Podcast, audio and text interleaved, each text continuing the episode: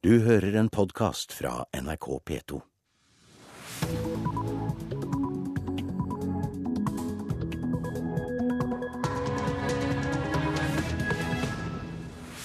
Riktig god morgen og velkommen til Nyhetsmorgen. Det er mandag i dag, og det har faktisk også blitt juli. Det er 1. juli. Og programleder denne morgenen, det er Tor Albert Frøsland. Vi skal starte med skogbrannen i delstaten Arizona i USA.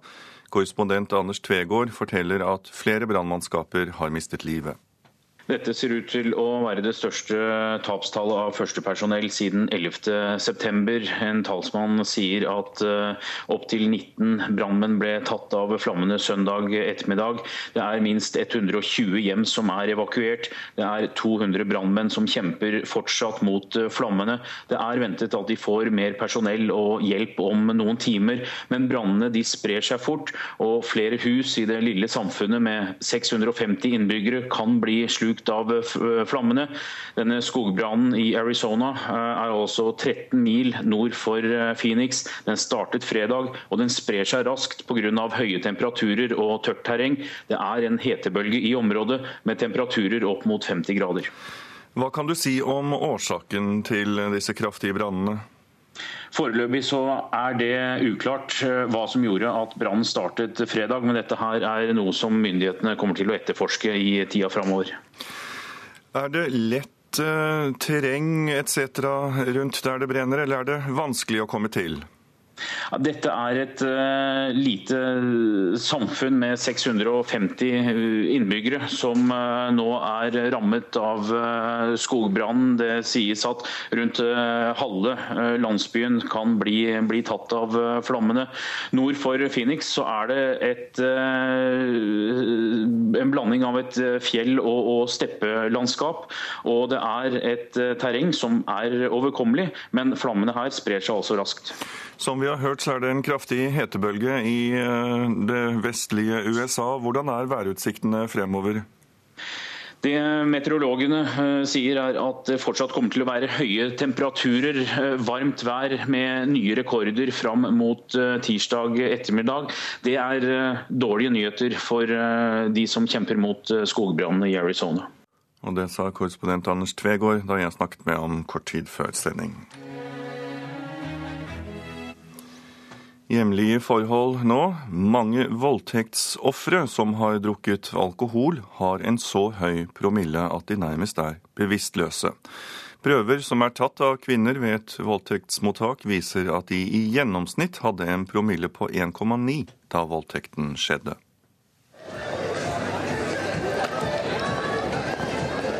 Det er sein lørdagskveld, og i Oslos paradegate har mange fått altfor mye å drikke. Jentene som blir for fulle i kveld, er mer utsatt for voldtekt. Du blir eh, et lett bytte for eh, andre mennesker, bl.a. for voldtekt, når du drikker store mengder alkohol. Sier overlege Cecilie Hagemann. Hun har undersøkt blod- og urinprøve til kvinner som kom til voldtektsmottaket på St. Olavs hospital i Trondheim mellom 2003 og 2010. Hagemann har regna seg frem til at dem som var full, hadde en promille på 1,9 i snitt da voldtekten skjedde. 1,9 er en så høy promille at den er nok til å sette de fleste mennesker ut av spill. Mer enn åtte av ti sa de hadde drukket før overgrepet, og 40% huska ikke voldtekten. Man kan være så beruset at man overhodet ikke er i stand til å motsette seg noe som helst av seksuelle handlinger. Man er ikke egentlig samtykkekompetent. Så bruker vi disse Eh, her. Sånn Hit til voldtektsmottaket i Oslo kommer mange for å få hjelp. Her, har vi jo undersøkelses... her finnes ingen studier av hvor fulle voldtektsofrene har vært. Men ifølge overlege Henriette Waitz er 70% av de som kommer hit, ruset på en eller annen måte. Vi er generelt mer utsatt både for ulykker og overgrep når vi er beruset. Overlegen ser både kvinner som har blitt skjenket av andre, men også dem som har drukket for mye selv. Jeg syns alltid det er synd at de ikke har hatt noen rundt seg til å passe på, at vi har et ansvar for å passe på hverandre eh, når man blir overstadig beruset. To ganger jeg har hatt på en måte blackout, at jeg ikke husker hva som har ja, skjedd i et par timer utover kvelden. og det liker jeg ikke i det hele tatt. Tilbake på Karl Johan forteller Sara Landsverk og venninna Andrea Østvik at de har drukket seg for fulle og lært av det. Frykten for voldtekt sitter i dem begge og gjør at de tar forhåndsregler. Jeg tenker over det, fordi at jeg har opplevd å bli faktisk eh, antasta i en taxi. Så det syns jeg var veldig, veldig ekkelt. Og det har sittet i meg lenge. Sånn at eh, jeg er skeptisk.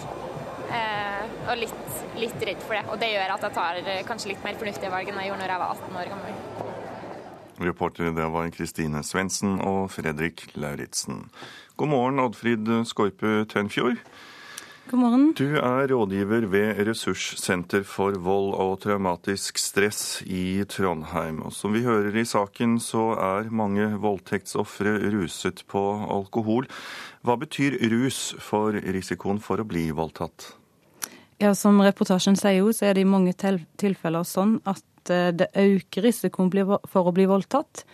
Eh, men det er òg en god del eh, forskning som tyder på at det òg øker risikoen for at en faktisk voldtar. Ja, hva, hva, hva ligger i dette at disse risikoene øker? Det er det at man ikke blir helt i stand til å ta vare på seg sjøl, og det at man rett og slett kan mer sårbar for at andre kan utnytte en. Ja.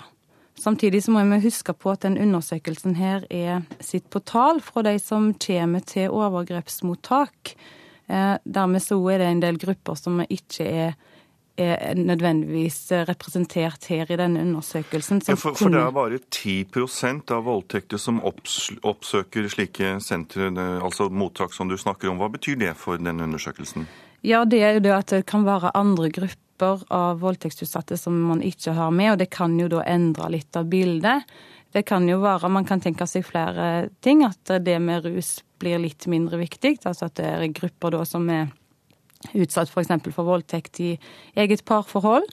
Um, men det kan òg være det at eh, rus kan nå få gjerne en sterkere um, Altså være en sterkere del av bildet, rett og slett fordi at man det fins en god del som eh, skjemmes fordi at de har vært så rusa, og at de da ikke um, har lyst, eller ja de, de, tar så mye skyld for det de har um, blitt utsatt for, at de ikke vil oppsøke overgrepsmottak f.eks., eller gå til politiet.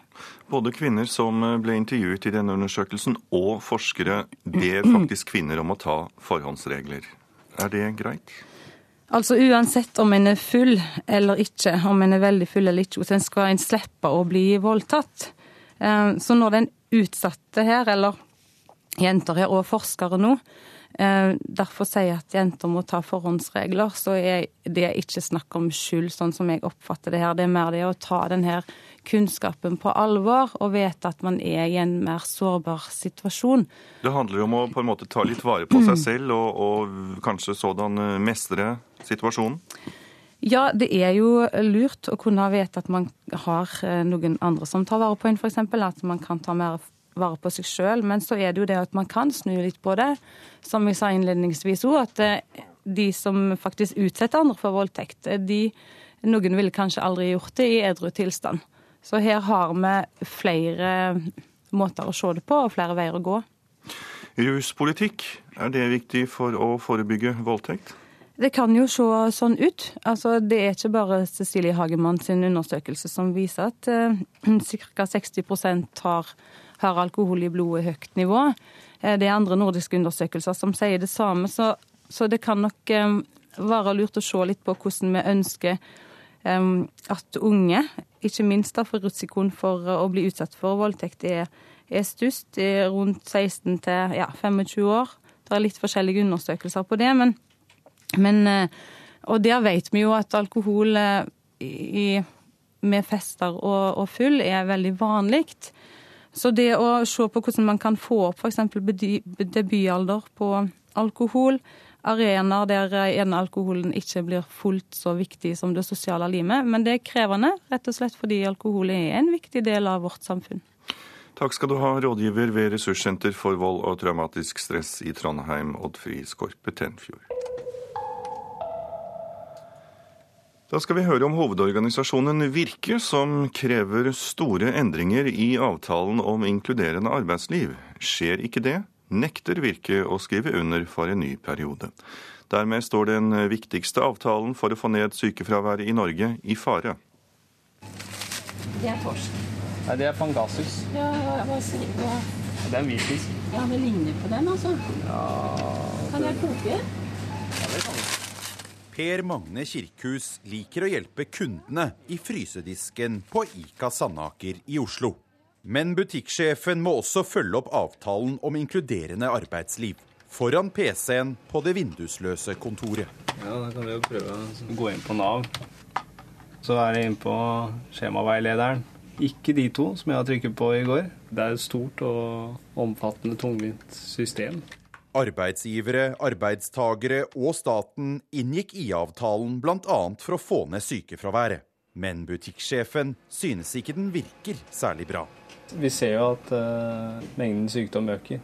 Det gjør at det kan føles mer som et ork enn en, eh, noe positivt. da. Også hovedorganisasjonen Virke, med over 16 000 medlemsbedrifter, er lei.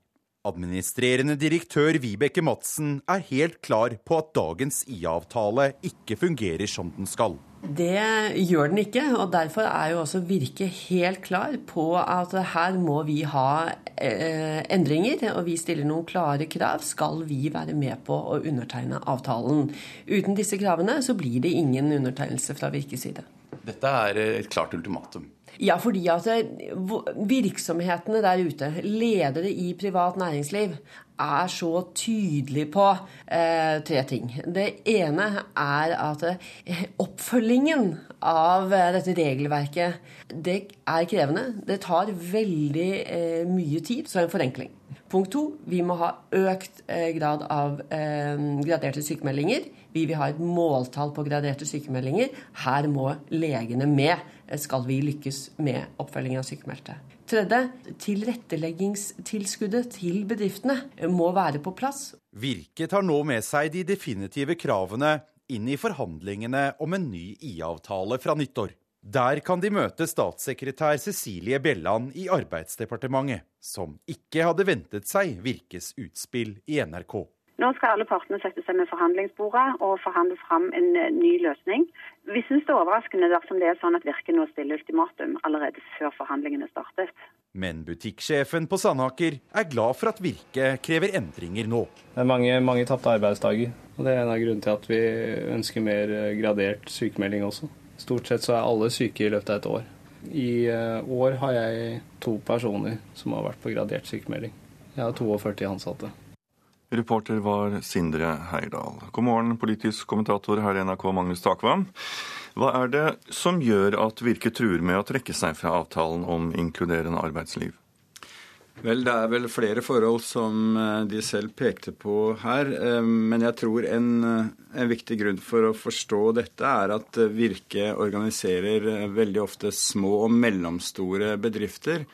Og hele ideen bak IA-avtalen er jo at det er selve arbeidsplassen som i stor grad skal være arena for å gjøre arbeid mot sykemelding og seniorpolitikk osv. Og, og det er klart at bedrifter som er relativt mindre for dem er det vanskeligere i praksis å gjøre dette på en god måte. Så det er en del av, av bakgrunnen, tror jeg.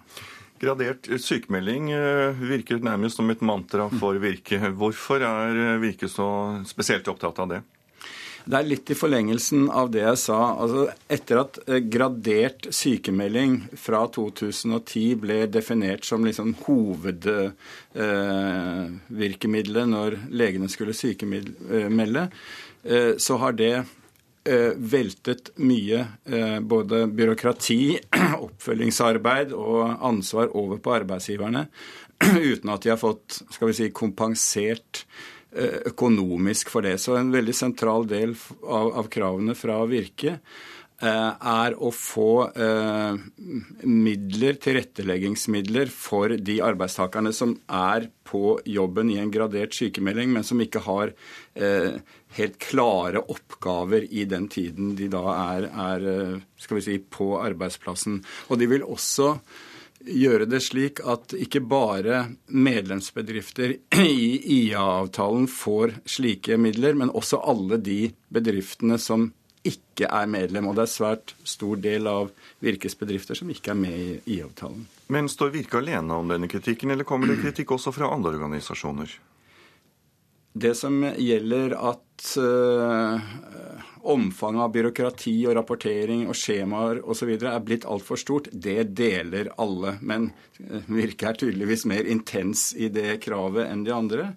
Uh, men det er slik at f.eks. NHO, som i stor grad har større bedrifter, har mindre problemer med IA-avtalen og er mer fornøyd enn det Virke er, f.eks. Takk skal du ha, politisk kommentator her i NRK, Magnus Takvann. Det er Nyhetsmorgen i NRK P2 og Alltid nyheter du hører på. Klokken den er eh, nesten 7.19, og hovedsakene er som følger. Mange voldtektsofre er så fulle at de nærmest er bevisstløse, viser ny forskning. Du blir eh, et lett bytte for eh, andre mennesker, bl.a. for voldtekt, når du drikker store mengder alkohol overlege Cecilia Hagemann ved St. Olavs hospital. Som vi hørte, hovedorganisasjonen Virke truer med å trekke seg fra avtalen om inkluderende arbeidsliv. Og 19 brannmannskaper er omkommet i en skogbrann i USA. 120 hjem er evakuert i delstaten Arizona. Nå skal vi til eh, en liten hendelse innen EU i dag, for EU får et uh, nytt medlemsland, nemlig Kroatia. Landet blir unionens 28. medlem, og det er det andre landet fra, den, fra det tidligere Jugoslavia som herved tilsluttes unionen. Men det er liten begeistring å spore i landets hovedstad. Expect, uh, De unge i Zagreb forventer ikke stort men frykter nå snarere at prisene vil øke.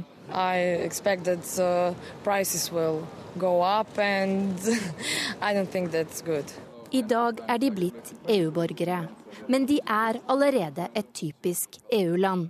Stående til knes i økonomiske problemer, med unge i arbeidsledighetskø og familier som kjemper for å få endene til å møtes. Landet opplever nå den verste økonomiske krisen siden krigen i 1991, og det offentlige helsevesenet og pensjonssystemet er på randen av konkurs. Politiker Andrej Plenkovic tror EU vil hjelpe landet ut av krisen, og at hans landsmenn vil forstå det på sikt.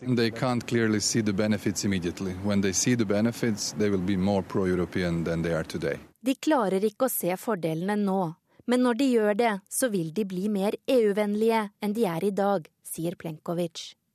Kroatia har også søkt om tilslutning til EØS-avtalen, men forhandlingene er foreløpig ikke avsluttet. Det sa reporter Charlotte Bergløff. Og jeg har med meg Svein Mønneslemann. Du er Balkan-ekspert og professor ved Universitetet i Oslo, og du er faktisk med fra Kroatia. Hvordan blir denne dagen markert i det nye EU-landet? Ja, I går kveld ved midnatt så var det jo offisielle markeringer rundt omkring, særlig da i Zagreb, hovedstaden selvfølgelig, med utenlandske statsoverhoder, men også, også ellers i landet. Men eh, det var ingen folkefest. Folk var ikke på gatene. Så piratene har nok, selv om de mener at det var et historisk øyeblikk ved midnatt, så eh, har de et avslappet forhold til eh, EU-medlemskapet. Ja, Det virker nesten som om de har et eh, skal jeg si, lunkent forhold i, i tillegg. Er det stor uenighet om eh, EU-medlemskap i Kroatia? Nei, det er ingen stor uenighet. Det er ikke noe politisk konflikt om, egentlig om medlemskapet. Det er mer en slags uh, oppgitthet, likegyldighet. Mange sier at, uh, som vi hørte i reportasjen, at ja, verre kan det vel ikke bli. Kanskje det kan bli bedre. Men hvordan vil kroatene merke at de nå blir en del av unionen? Ja, Vanlige folk vil jo merke øyeblikkelig at de kan reise rundt i Europa uten pass. Det er jo en stor fordel, syns folk. Og uh, mange føler nok også at EU-medlemskapet gir dem en tilknytning til Vest-Europa, til Europa, som er viktig for et land som har vært i krig. Og dette nå er et endelig brudd med fortiden og med Balkan, og at det ikke noen gang igjen vil at landet ikke igjen vil kunne komme opp i en sånn situasjon som vi hadde på 90-tallet. Så mange ser nok på denne politiske siden som viktigere enn økonomien.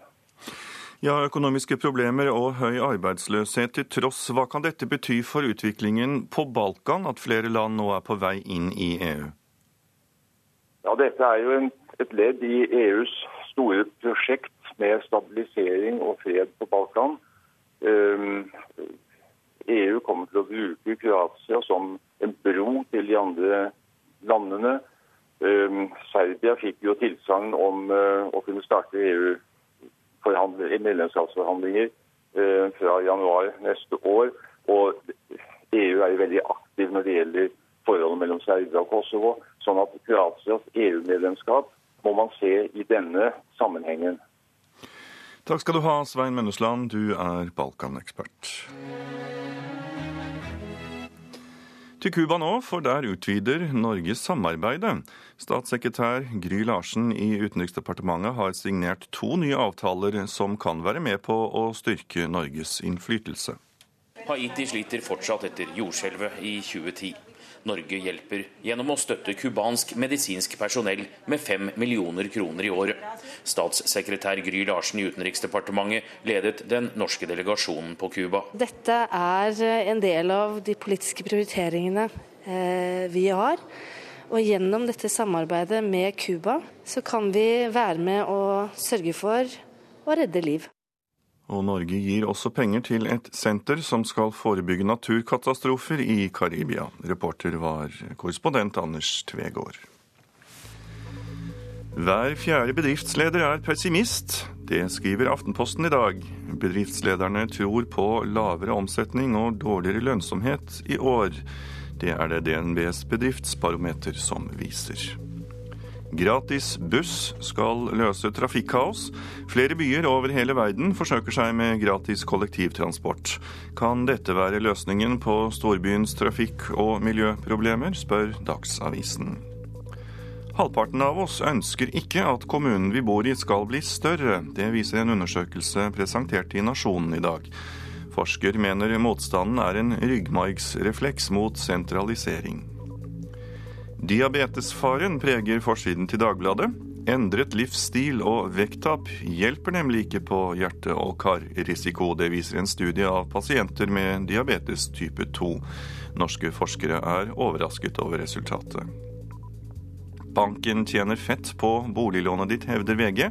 Banken tar nemlig én av to rentekroner, og avisen viser deg hvordan du kan få ned renten. Kvinner undervurderer egen kompetanse, kan vi lese i Dagens Næringsliv. Forskning viser at kvinner er langt flinkere til å vurdere seg selv enn menn. Menn har nemlig en overdreven tro på seg selv og sin kompetanse. Østkanten i Oslo blir grovt underrepresentert på Stortinget til høsten, kan Klassekampen fortelle oss. Kun én stortingskandidat velges inn fra de østlige bydelene i hovedstaden. Finansavisen kan fortelle oss at aksjen til Opera Software har hatt et kraftig verdihopp.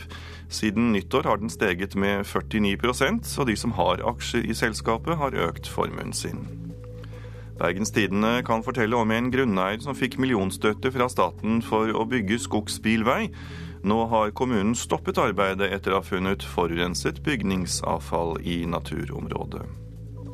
Vårt Land har sommerintervjuet KrF-leder Knut Arild Hareide, som gleder seg til å ta med familien på ferie for å møte velgerne.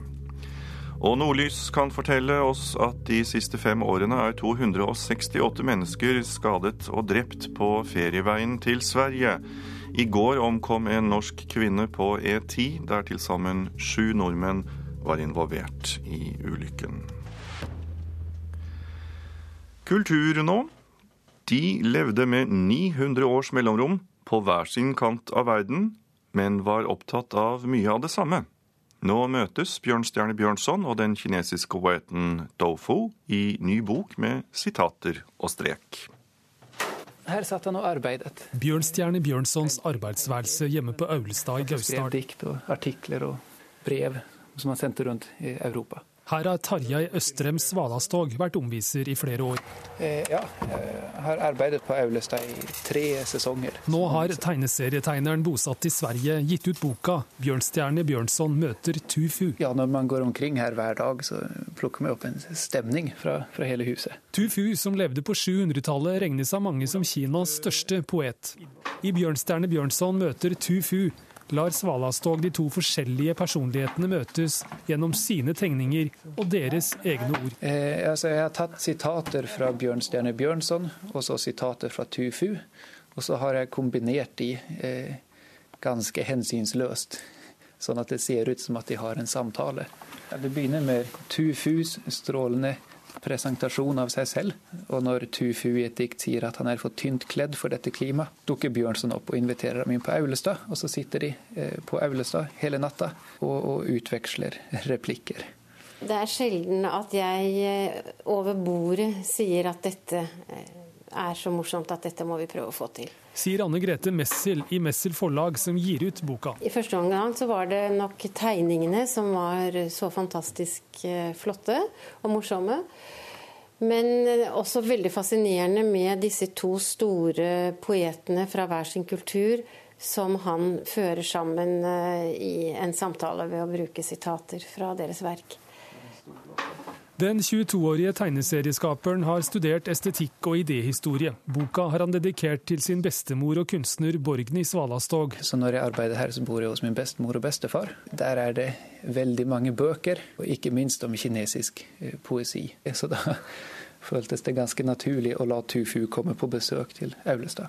Sjøl om Tufu og Bjørnson levde med 900 års mellomrom i hver sin kant av verden, var de opptatt av mye av det samme, sier Anne Grete Messel opptattheten av fred og viktigheten av mellommenneskelige samtalen. Samtidig som de jo er eh, veldig profilerte i samfunnsliv og politikk. Reporter var Stein S. Eide. Den neste halve timen her i Nyhetsmorgen så skal du bl.a. få utenriksreportasjen fra Cuba, Politisk kvarter med Lars Nehru Sand. Produsent for Nyhetsmorgen, Eli Bjelland. Programleder er Tor Albert Frøsland. Og nå er Ingvild Ryssdal klar med det siste fra Dagsnytt-redaksjonen.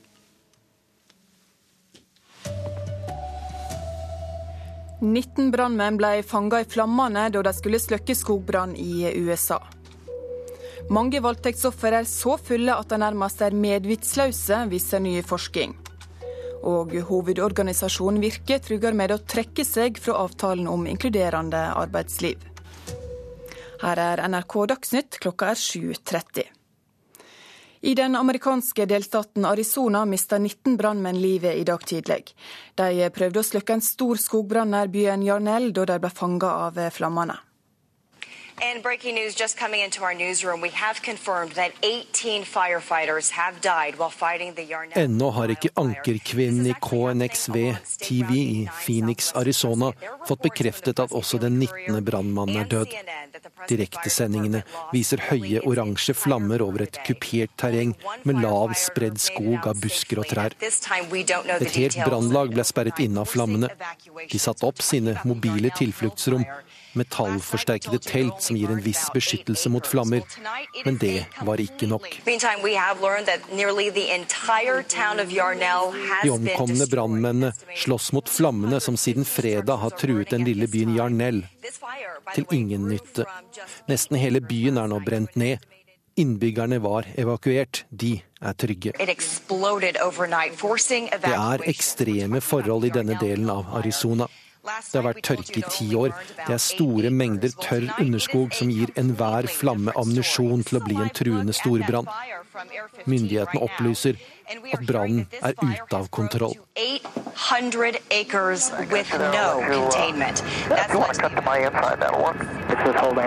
Delstaten mobiliserer. Det er mange fly og helikopter i aktivitet. Fra kameraene i luften er det mulig å se noen av de 200 brannfolkene som er i aktivitet. I løpet av morgentimene norsk tid vil de bli forsterket av ytterligere 300. Den tragiske utviklingen de siste timene er det største enkelttapet av brannmenn i USA siden terrorangrepene 11.9.2001. Og det er landets største tap av brannmenn i skogbrann på minst 30 år. Det sa reporter Halvard Sandberg. Værvarselet gir ikke grunn til optimisme for de som kjemper mot flammene. Det sier USA-korrespondent Anders Tvegård.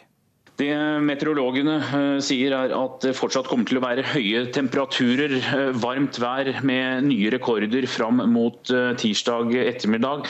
Det er dårlige nyheter for de som kjemper mot skogbrannene i Arizona.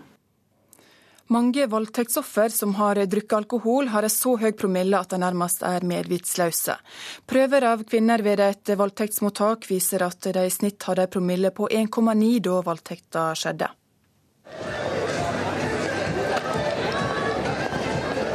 Det er sen lørdagskveld, og i Oslos paradegate har mange fått altfor mye å drikke. Jentene som blir for fulle i kveld, er mer utsatt for voldtekt. Du blir eh, et lett bytte for eh, andre mennesker, bl.a. for voldtekt, når du drikker store mengder alkohol. Sier overlege Cecilie Hagemann. Hun har undersøkt blod- og urinprøve til kvinner som kom til voldtektsmottaket på St. Olavs hospital i Trondheim mellom 2003 og 2010. Hagemann har regna seg frem til at dem som var full, hadde en promille på 1,9 i snitt da voldtekten skjedde. 1,9 er en så høy promille at den er nok til å sette de fleste mennesker ut av spill. Mer enn åtte av ti sa de hadde drukket før overgrepet, og 40% huska ikke voldtekten. Man kan være så beruset at man overhodet ikke er i stand til å motsette seg noe som helst av seksuelle handlinger. Så bruker vi disse Eh, her. Sånn Hit til voldtektsmottaket i Oslo kommer mange for å få hjelp. Her, her finnes ingen studier av hvor fulle voldtektsofrene har vært. Men ifølge overlege Henriette Waitz er 70% av de som kommer hit, ruset på en eller annen måte. Vi er eh, generelt mer utsatt både for ulykker og overgrep når vi er beruset. Overlegen ser både kvinner som har blitt skjenket av andre, men også dem som har drukket for mye selv. Jeg syns alltid det er synd at de ikke har hatt noen rundt seg til å passe på, at vi har et ansvar for å passe på hverandre eh, når man blir overstadig beruset. To ganger har jeg hatt på en måte blackout, at jeg ikke husker hva som har ja, skjedd i et par timer utover kvelden. Og det liker jeg ikke i det hele tatt. Tilbake på Karl Johan forteller Sara Landsverk og venninna Andrea Østvik at de har drukket seg for fulle og lært av det. Frykten for voldtekt sitter i dem begge og gjør at de tar forhåndsregler. Jeg er skeptisk og litt, litt, redd for det. Og det gjør at jeg tar kanskje litt mer fornuftige valg enn jeg gjorde når jeg var 18 år gammel. Reporter her var Kristine Svendsen og Fredrik Lauritzen. Hovedorganisasjonen Virke krever store endringer i avtalen om inkluderende arbeidsliv. Skjer ikke det, nekter Virke å skrive under for en ny periode.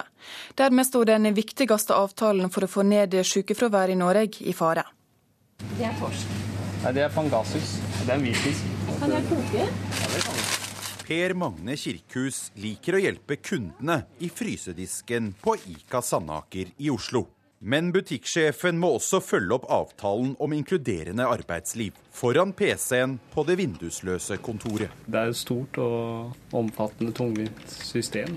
Det er mange, mange tapte arbeidsdager. Også hovedorganisasjonen Virke, med over 16 000 medlemsbedrifter, er lei Administrerende direktør Vibeke Madsen er helt klar på at dagens IA-avtale ikke fungerer som den skal. Det gjør den ikke, og derfor er jo også Virke helt klar på at her må vi ha endringer. Og vi stiller noen klare krav. Skal vi være med på å undertegne avtalen? Dette er et klart ultimatum. Ja, fordi at oppfølgingen av dette regelverket det er krevende. Det tar veldig eh, mye tid. Vi må ha mer graderte sykemeldinger. Virke tar nå med seg de definitive kravene inn i forhandlingene om en ny IA-avtale fra nyttår. Der kan de møte statssekretær Cecilie Bjelland i Arbeidsdepartementet. Vi syns det er overraskende dersom det er sånn at Virke nå stiller ultimatum allerede før forhandlingene startet.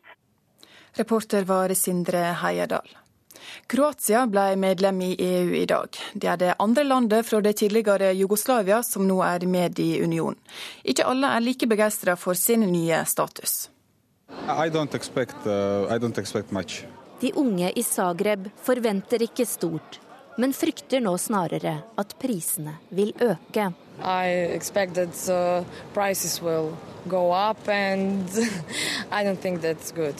I dag er de blitt EU-borgere, men de er allerede et typisk EU-land.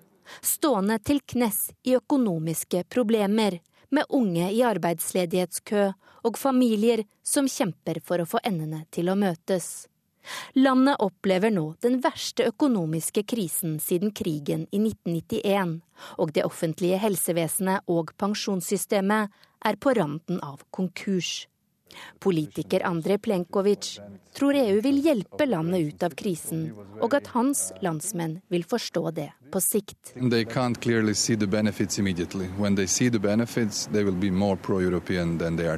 De klarer ikke å se fordelene nå, men når de gjør det, så vil de bli mer EU-vennlige enn de er i dag, sier Plenkovic. Kroatia har også søkt om tilslutning til EØS-avtalen, men forhandlingene er foreløpig ikke avsluttet. Det sa utenriksmedarbeider Charlotte Bergløff. Brasil slo Spania 3-0 i finalen i det som blir kalla prøve-VM i fotball i Brasil i natt. Nå har Brasil for alvor trua på ekte VM-gull på heimebane neste sommer. Bjarne Riis fikk det til å koke i dansk presse da han kom til Tour de France-sirkuset seint i går kveld. Den kontroversielle sportsdirektøren og tidligere syklisten har unngått medium siden de kraftige dopingskuldingene mot han i fjor. I dag stiller han opp for pressa på Korsika. Det danske presseoppbudet vil være stort, og jeg er overbevist om at det vil komme masse utenlandsk presse, så det kan bli temmelig kaotisk før start. Det sier Henrik Lineker, som følger Tour de France for Danmarks Radio. Skyldningene fra tidligere proffsyklister om at Bjarne Riis setter egne utøvere i kontakt med doplegget Eufemiano Fuentes på tidlig 2000-tall, har hengt over Riis i snart et år. Jeg har sagt det, det skal sies. Var alt Riis ville si i september i fjor. Siden da har han vært taus, men i dag møter han pressen for første gang. Lineker tror lageieren endelig er klar for å svare påstandene. Jeg tror ikke han har sagt ja til å møtes med den danske presse bare for å tale om hva som kommer til å skje på hele Tour de France.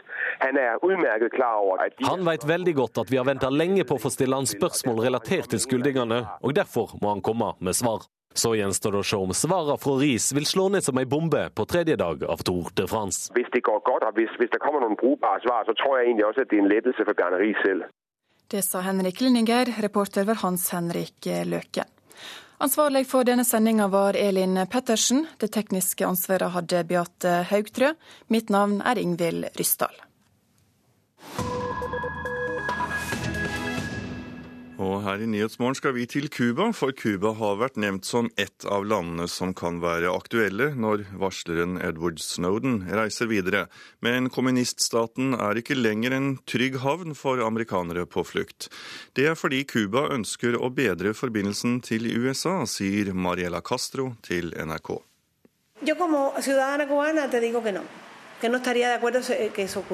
Han er ikke velkommen, sier Mariela Castro og understreker at dette er hennes personlige mening. Myndighetene her på Cuba har ikke sagt noe offentlig om den ettersøkte amerikanske tysteren Edward Snowden, men presidentens datter ser ikke på ham som et mulig forhandlingskort. Personal Cuba no en este tipo de conflictos, porque Cuba es un país en una situación de agresión permanente por Cuba parte de los ønsker ikke å bli involvert, sier hun. Vi har nok problemer med USA, og det vil ikke hjelpe på situasjonen. En situasjon, et bilateralt forhold, som har vært anspent i over 50 år. NRK møter Mariela Castro på kontoret hennes i Havanna.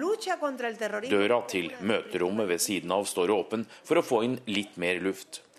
50-åringen leder Det nasjonale senteret for seksualundervisning. I februar ble hun valgt inn i nasjonalforsamlingen. En forsamling som møtes to ganger i året, og hadde et valg med 612 kandidater til 612 plasser. Hun mener Wikileaks-grunnleggeren Julian Assange og NSA-agenten Edward Snowden er helter. De har gjort sin plikt og snakket høyt om urett. De er ikke betalt av en regjering for å sverte eller angripe en annen. Likevel ser ikke Castro nytten av å ha noen av dem på Cuba. Revolusjonen i 1959, ideologien og den kalde krigen gjorde så godt som slutt på forbindelsene mellom USA og Cuba. Nå er det derimot tegn til oppmykning. Det er diskusjoner om å gjenopprette de direkte postforbindelsene. Flere kongresspolitikere og høytstående delegasjoner har besøkt Cuba den siste tida. Et minnesmerke i Havanna over de amerikanske soldatene som ble drept på skipet Maine i 1898 skal restaureres, og USA under Obama har lettet på reiserestriksjonene og muligheten til å sende penger. Las relaciones son, hay menos tensión entre los Cuba, eh, aunque no estamos exentos Cubanerne ønsker mer dialog og samarbeid med USA. Forholdet er ikke så anstrengt lenger, er Roberto Veigas vurdering. Han er redaktør for Espacio Laical, et av de få tidsskriftene på Cuba med samfunnsdebatt som ikke redigeres av staten, men den katolske kirken. Det vil være vanskelig å få til framskritt på Cuba og en varig samstemthet uten hjelp fra USA, sier Veiga. President Obama har vært mindre aggressiv, men utviklingen må skje i vårt tempo for ikke å bli overkjørt av amerikansk kultur og tankegods. Her i Havanna viser gatebildet nå små private næringer. Frukt- og grønnsaksselgerne skyver varene foran seg på sykler eller i små traller. President Raúl Castro løsner på grepet og er i gang med å fjerne en million statsansatte i et forsøk på å få en skakkjørt statsøkonomi på rett kjøl. Han har også dempet den antiamerikanske retorikken som broren Fidel og Venezuelas Hugo Chávez hadde. Etter flere tiår med politisk konfrontasjon ønsker Cuba en normalisering med USA. Myndighetene her faller ikke for fristelsen til å irritere unødig med Snowden-saken, mener Espacio Laicals redaktør Roberto Veiga. No conozco la posición del gobierno cubano, pero no imagino que tome parte en el problema. Og reporter på Cuba, det var korrespondent Anders Tvegård. Her i Nyhetsmorgen har vi disse hovedsakene denne mandagen. Mange voldtektsofre er så fulle at de nærmest er bevisstløse, viser ny forskning. 19 brannmannskaper er omkommet i en kraftig skogbrann i delstaten Arizona i USA. Og hovedorganisasjonen Virke truer med å trekke seg fra avtalen om inkluderende arbeidsliv. Og i Politisk kvarter blir det debatt om denne avtalen og det ultimate kravet som vi har hørt om i Dagsnytt og Nyhetsmorgen i dag. Lars Nehru Sand? Virke mener det er mye som ikke virker. Hele trepartssamarbeidet tar debatten nå.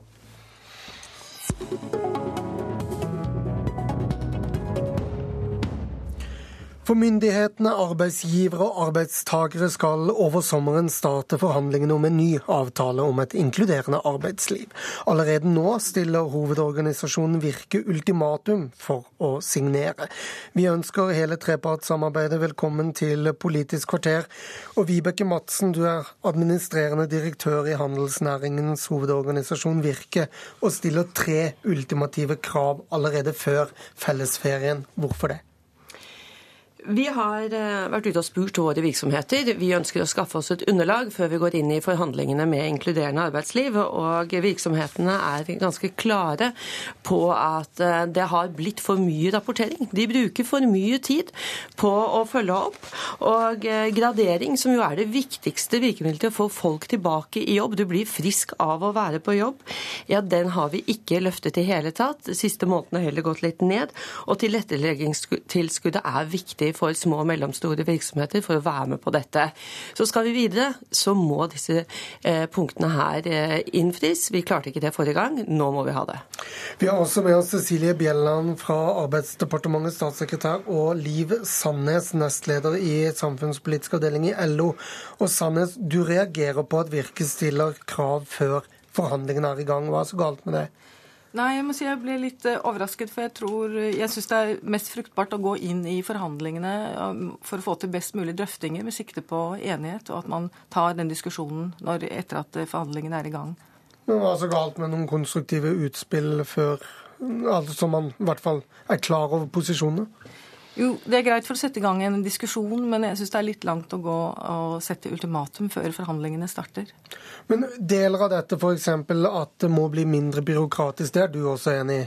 Ja, i og for seg så er eh, alle punktene viktige punkter eh, å diskutere framover i forbindelse med forhandlingene. Og det med å forenkle eh, oppfølgingssystemet ser vi også behov for, som vil være et av punktene vi må se nærmere på i forhandlingene.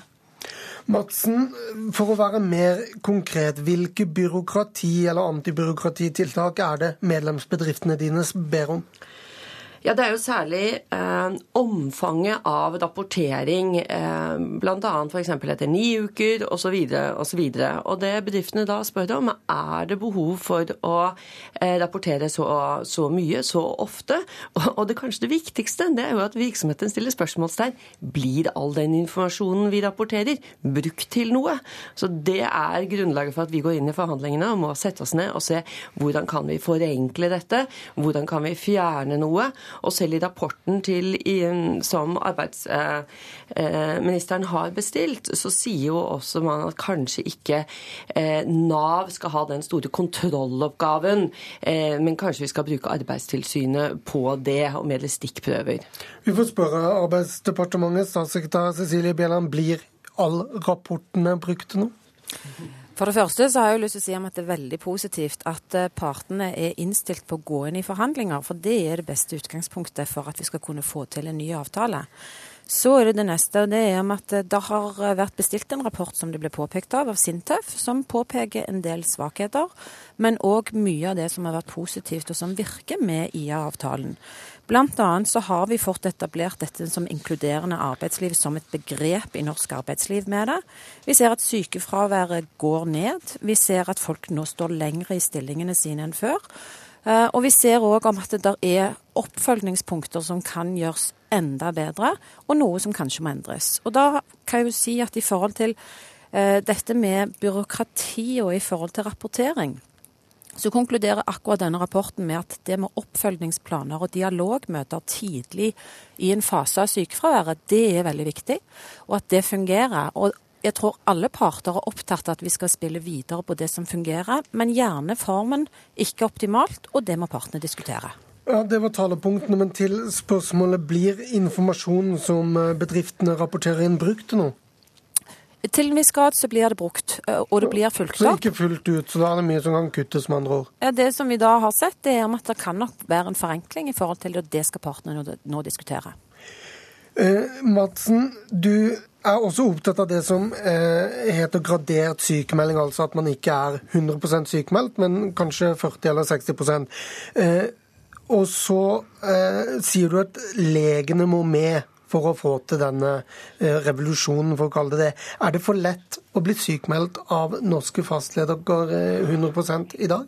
Det skal ikke jeg si noe om, men vi som en hovedorganisasjon, og som representerer store deler av norsk næringsliv, vi ser jo og hører fra bedriftene våre at det i liten grad blir brukt gradering. Faktisk de siste månedene så har det gått litt ned. Og når vi vet at det er det viktigste punktet til å få folk tilbake i jobb, altså ikke være for lenge borte, eh, det å ha kontakten med jobben, det gjør deg si, friskere ved å ha denne kontakten også. Da mener jo vi at vi må må få legene med på laget til å kunne gradere mer. Kontakten med arbeidsgiver er viktig. Så opplever da arbeidstakeren Sandnes, at det er ikke i alle yrker, bransjer, hvor gradert sykemelding er så eh, reelt. Hvorfor det, og hvilke bransjer er det snakk om? Nei, det, det, kan jo variere mye fra sted til sted, arbeidsplass til arbeidsplass. og F.eks. innen transportsektoren er et eksempel hvor det ikke alltid er så rett, lett å få lagt til rette. sånn at det bidrar, altså det å ha gradert sykemelding innebærer at du kan bidra konstruktivt til, til verdiskapingen og få utført jobben sin. sånn at eh, Jeg tror det er viktig å ha en sunn fornuft altså i, i praktiseringen av dette med graderinger, men vi deler det synspunktet at dette er et viktig virkemiddel, og det er godt forskningsmessig belegg for at eh, dette bidrar bidrar til å få sykefraværet ned og redusere risikoen for utstøting. Så å gå videre på den linjen tror jeg, tror jeg er viktig, og der er jeg enig med Virke. Det er 21% av sykemeldingstilfellene som første kvartal 2013 ble gradert i en eller annen form. Hva slags måltall ønsker du deg, Madsen? Ja, Det er jo et spørsmål som vi absolutt skal ta med oss inn i eh, forhandlingene. Men det som er viktig for oss, det er å komme frem til et felles måltall. Om det skal være nasjon... Ja, nettopp. Om det skal være nasjonalt eller per kommune, ja, men det også må vi diskutere. Det som er viktig for oss, det er å få forpliktelsene på et måltall. Fordi vi ser at de gode intensjonene som vi hadde i forrige periode, ja, det løser ikke. Og vi har vært ute og spurt. Mer enn 70% av norske ledere sier i dag at de ønsker og vil vil jobbe med tilrettelegging, men de innrømmer at det er vanskelig. Og det er jo derfor også at vi er så opptatt av tilretteleggingstilskuddet fra staten. Bjelland, er et tall veien å gå? Hvorfor fikk man ikke det når man lanserte gradering som en sånn eureka-løsning? Nå eh, er det jo sånn at Vi har sett i løpet av den perioden vi har hatt IA-avtalen denne gangen, eh, at eh, andelen av bruken av graderte sykemeldinger har økt. Og så er det fint at vi får alle innspill inn om hvordan kan vi få en enda mer bruk av graderte sykemeldinger, fordi at vi ser at dette har en direkte reduksjon i forhold til sykefravær. Så her er alle parter enige om at vi ønsker mer bruk av det. Måltall kan være ett virkemiddel, eller egentlig, hva skulle si, måltall kan være et mål, men vel så viktig er vel kanskje òg å diskutere hvilke andre virkemidler vi har. Bl.a. dette her med å bruke mer de faglige veilederne for sykemeldte, bruke mer av den statistikken som nå foreligger.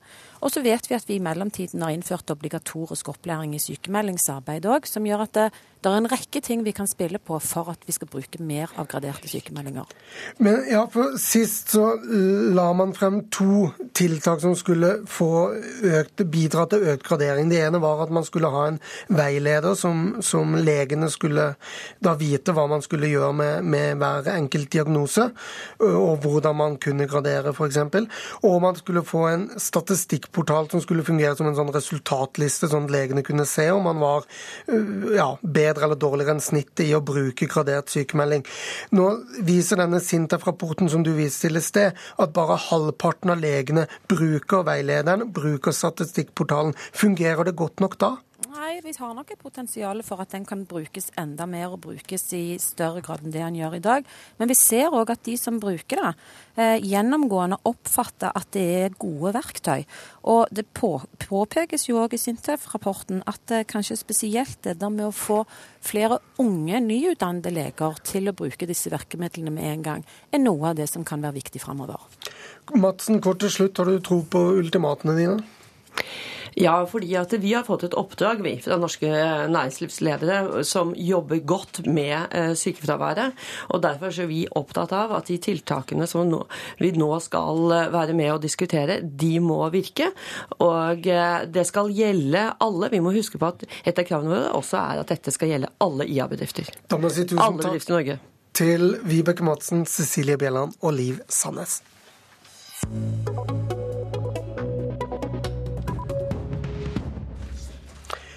I sommer skal vi bli bedre kjent med unge politiske talent i våre største parti. Partiene har selv plukket ut listekandidater du kan lære deg navnet på før valget. Først ut er nestleder i FPU, bystyrerepresentant i Trondheim og fylkestinget i Sør-Trøndelag, Sivert Bjørnstad. Slik blir han presentert av partileder Siv Jensen. Han er lynskarp, og jeg har hørt hans eh, retoriske formuleringer mange ganger, er utrolig god. Han klarer å gjøre de mest eh, si, usexy politikkområdene spennende å høre på. Han tror jeg vi kommer til å se veldig mye av fremover. Og Bjørnstad er med oss fra studio i eh, Trondheim. Og først våre fire faste spørsmål. Velkommen, Sivert. Tusen takk for det. Nå har vi hørt partilederen beskrive deg. Hvordan vil din mor beskrive deg? Eh, nei, forhåpentligvis med samme karakteristikk. Eh, først og fremst må jeg jo si at det er utrolig hyggelig at, eh, at Siv sier det der. Og så håper jeg at mamma kan si at jeg er en, i bunn og grunn en grei gutt. Bunn og grunn. Har du flydd Ryanair? Eh, ja, det har jeg. Én gang. Hvorfor det? Eh, fordi det var den eneste løsningen. Når vaska du kjøkkengulvet ditt sist? Forrige uke. Hver uke? Eh, nei, men det var tilfeldigvis og heldigvis forrige uke. det passer bra i dag. Det gjorde det. Hvis du skulle bli statsråd en gang, hvilket departement ville du valgt deg da? Da tror jeg jeg ville ha valgt eh, Kunnskapsdepartementet. Sivert Bjørnstad, du vokste opp eh, politisk, hvis du kan kalle det det, i Trond Birkedals FPU, med mye skolering og høye krav. Hvordan var den epoken av din politiske karriere? Det var veldig artig og en uh, tøff start. Uh, og det tror jeg egentlig gjorde, gjorde, oss veldig godt. At vi ble uh, drilla i partiets politikk tidlig og ble satt, vi ble satt krav til. Fikk utfordringer hele tida, og det tror jeg egentlig bare hjalp oss til å vokse. Ja, er du da lært opp til å bli en partibroiler? Nei, altså vi eh, blir jo først og fremst lært opp i praktiske problemstillinger, og ikke uh, å snu seg rundt retorisk. Så jeg tror det viktigste vi har lært, er jo at vi faktisk må sette oss inn i saker, i stedet for å ta, stedet for å ta snarveier. Men det er ikke alle som blir stortingskandidat i din andre aktive stortingsvalgkamp. Du ble med etter 2005-valget, etter da å ha lest samtlige partiprogram. Og som ung liberaler, hva var galt med høyre og venstre, f.eks.? Nei, jeg syns, eh, syns, vel de ble litt for lite, litt for lite liberale og satt eh, for lite tillit til enkeltmennesket. Eh, skole var viktigst for meg den gangen. og jeg så den enhetsskolen vi hadde som ikke hadde forandra seg under Bondevik-regjeringa, nevneverdig i hvert fall, som ikke passa for alle. Alle er ikke helt gjennomsnittlige, og det var noe som trigga meg den gangen. I sommer skal du i tillegg til å drive valgkamp være med en motkampanje til LO. Fortell hva du skal gjøre. Ja, altså, først og fremst, altså LO gjør jo en veldig viktig jobb med denne sommerpatruljen. Eh, men i disse tider så er det kanskje enda viktigere å spørre hva bedriftene trenger. Eh, hvilke rammebetingelser kan vi som politikere endre eller gjøre bedre eh, i disse usikre tider? Det tror jeg er en viktig oppgave vi som politikere har. Så er du spesielt opptatt av boligpolitikk, eh, som jo angår mange unge. Hva er Fremskrittspartiets løsninger? Ja, Det er mange. Blant annet så er det viktig å få fjerna egenkapitalkravet på 15% som nettopp har kommet. Vi mener at betalingsevnen er viktigere. I tillegg så er det lagt masse restriksjoner på hvordan man kan bygge. Tek tid Eh, nå kommer passivhusstandard snart, og alt det her kommer til å fordyre bygging av boliger. og Det går først og fremst utover ungdom og førstegangskjøpere. Du kjemper mot Snorre Valen, mot uh, stortingsplass fra, på Sør-Trøndelagsbenken. Hva gjør du dersom det er han som vinner? Nei, da jeg legger ikke meg ned og, og skriker over det. Først og fremst så skal vi jo prøve å jobbe for en borgerlig regjering, og så kommer det helt sikkert nye sjanser senere også, hvis det ikke skulle gå denne gangen. Hva er dine politiske ambisjoner? da? Nei, det er egentlig bare Nå trives jeg veldig godt i bystyret i Trondheim og i fylkestinget i Sør-Trøndelag. Og prøver nå å eh, få kapra en stortingsplass, og så får vi bare ta det, ta det, derfra. Og Hvis du ikke skulle bli heltidspolitiker, hva vil du jobbe med da? Ja, Da kommer jeg fortsatt til å kose meg i eh, bystyret i Trondheim og i fylkestinget i Sør-Trøndelag. Tusen takk, Sivert eh, Bjørnstad, som altså står på Sør-Trøndelagslisten til Frp. Det var det vi rakk i Politisk kvarter 1.7. Husk at vi ikke tar sommerferie i år. Du hører oss igjen i morgen. Du hører en podkast fra NRK P2.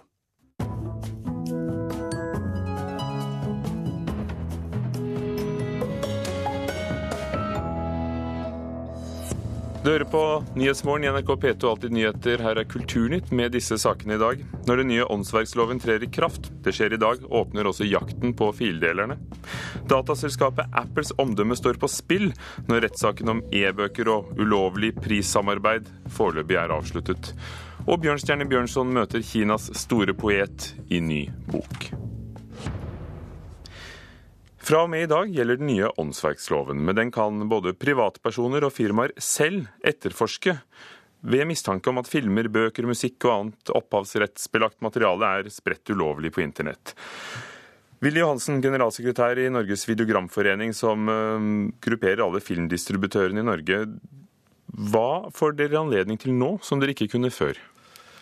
Ja, Først og fremst så er det jo muligheten i den nye åndsverksloven. Det er to punkter i den loven som er veldig viktige for oss. Eh, og Det første er jo det at det gir mulighet for eh, blokkering av visse ulovlige eh, sider. Og eh, punkt to det er jo at det er mulig å få tak i navn og adresse på visse IP-adresser hvis vi ønsker det. Ja, for Før var det altså kun et advokatfirma som hadde lisens til å gjøre dette. Nå holder det å melde fra til Datatilsynet. Eh, hva blir det første dere gjør da? Nei, Vi er allerede i gang med å, å se på å få blokkert Pirate Bay i Norge. Og vi, våre advokater er allerede i gang med å jobbe eh, med dette mot Telenor, som er den største tilbyderen i Norge. Og vi regner med at uh, Pirate Bay vil da bli blokkert i løpet av høsten. Men for at dette skal skje, så må altså domstolene gi en kjennelse. Ja. Det er ikke noe dere kan Nei. gjøre selv. Nei. Øystein Jacobsen, leder av Piratpartiet. Dere har vært imot loven, nå er det fortsatt. Uh, hvorfor? Vi mener at denne loven her uh, utvisker grunnleggende rettigheter, bl.a. Grunnloven paragraf 100, som sier at ytring, fri ytring skal finne sted. Og det andre er at uh, vi er imot uh, privatisering av etterforskning og håndheving av lov. Og det tredje er jo da at vi mener at loven ikke er nødvendig fordi at internett har ikke hatt noe beviselig negativt skadelig effekt på produksjon og tilgjengeliggjøring av kunnskap og kulturprodukter. Men det mener jo altså de som eier rettighetene til f.eks. filmer, musikk, bøker osv. Eh, og, det har jo vært et problem for dem at politiet ikke har eh, kunnet etterforske nok. At Økokrim har ikke kunnet ta nok, tak i nok saker. Så nå løstes det på denne måten. Er ikke det en pragmatisk måte? Altså, de mener jo sikkert at uh, internett har vært skadelig for dem. Men uh, fagfellevurdert forskning sier noe annet. Det siste er i 2013, hvor uh, Joint Research Center, det samme som Teknologirådet bare for EU, sa at du ikke har hatt en målbar substitusjonseffekt. Det var òg i 2009 en undersøkelse gjort av to BI-studenter gjennom masteroppgave som sa at inntekter til musikere har økt med 75% i perioden 1999 til 2009. I 2009 så var det en Harvard-oppgave som eh, sa at eh, mengden kulturproduksjoner i verden osv. har økt. Både bøker, film, musikk. Så i hele tatt og bare, Det er jo bare å se. Mengden film og musikk nå som er tilgjengelig, er større nå enn noen gang. Men uansett, selv om den har vært redusert, så er ikke det grunn til å underminere grunnleggende rettigheter. For å ta dette siste punktet med, eh, med, produksjonen. Hvis det stemmer at det fortsatt selges eh, vel så mye som før, hvorfor bruker dere da så mye energi på å stanse ulovlig fildeling? Dette er bare tullprat, for det selges ikke like mye mer. Eh, det er helt klart at salget av film har gått kraftig ned i Europa de to-tre siste årene. Og det ser vi helt klart en sammenheng eh, med bl.a. Eh, ulovlig opplastning og nedlastning på internett. Eh, det, foretatt, det er foretatt en undersøkelse i Skandinavia siden 2009, hvert kvartal, på dette med ulovlig nedlastning. Og den siste kom fra første kvartal i 2013. Og det viser at bare i Norge så lastet det ned eller opp ulovlig 15 millioner filmer per år. 40 millioner frittstående TV-episoder og 8,5 millioner hele TV-sesonger i Norge. Og det er klart, dette har effekt på, eh, på salget av fysiske produkter. Og da må jeg spørre deg i Piratpartiet, er det ikke det bra at folk får mer kontroll over egen eiendom? For du bestrider vel ikke at det er ulovlig å, eh, å, å dele materialet som noen eier? Uh, nei. Altså, husk på at det her er jo ikke snakk om eiendom. Altså, Vi snakker om kopier her. Uh, hadde det vært eiendom, så hadde det greia vært så mye enklere. For hadde du solgt meg et hus, så kan jeg gjøre akkurat hva jeg vil med det huset. Har du solgt meg en film, så kan jeg gjøre akkurat hva jeg vil med filmen, inkludert i å dele den med andre. Men her er ikke eiendom. Det er statsutstedte monopoler. Men åndsverk er jo også eiendom, i, selv om det gir rettigheter i en viss grad å dele det privat? Beklageligvis så er det ikke det. Det er ikke eiendom. Det er et åndsverk, og det har helt andre egenskaper om å behandles deretter. Hvor eh, Jeg kan nevne f.eks. det at de prøver å si at ei, ei nedlasting eller ikke ett tapt salg, du kan ikke gjøre den sammenhengen. Men nå er jeg ikke her for å prøve å overbevise musikk- eller filmbransjen om, om det. Det, folk sjøl kan jo se, altså folk flest vil laste ned eller kopiere et eller annet når de ser på YouTube. Om det tilsvarer et, salg, et tapt salg, om de vil ha kjøpt varen, det, det, er noe helt annet. Nei, det er klart det er veldig vanskelig å vurdere hvor mye man taper eh, ved ulovlig nedlastning. Men et godt eksempel er det når eh, menneskene bak Pirate Bay ble dømt i svensk høyesterett til ganske lange fengselsstraffer. Eh, hvor eh, de ble dømt til å betale rettighetshavere 46 millioner i erstatning. Når den dommen kom ut, så steg salget kraftig i Sverige i mange, mange måneder etterpå. Og den ulovlige nedlastningen den gikk kraftig ned. Og det er vel et eksempel på at uh, når man stopper en del ulovlig nedlastning, så øker også salget av det fysiske produktet. Dere har ikke nådd frem i den politiske debatten uh, ennå, fordi denne loven gjelder jo da fra og med i dag. Vil dere fortsette kampen politisk i Piratpartiet? Selvfølgelig. Vi har jo forsøkt å fortelle det at Den loven her er ikke nødvendig. Vi har prøvd å fortelle at denne her loven strider mot eh, grunnleggende rettigheter, deriblant ytringsfrihet.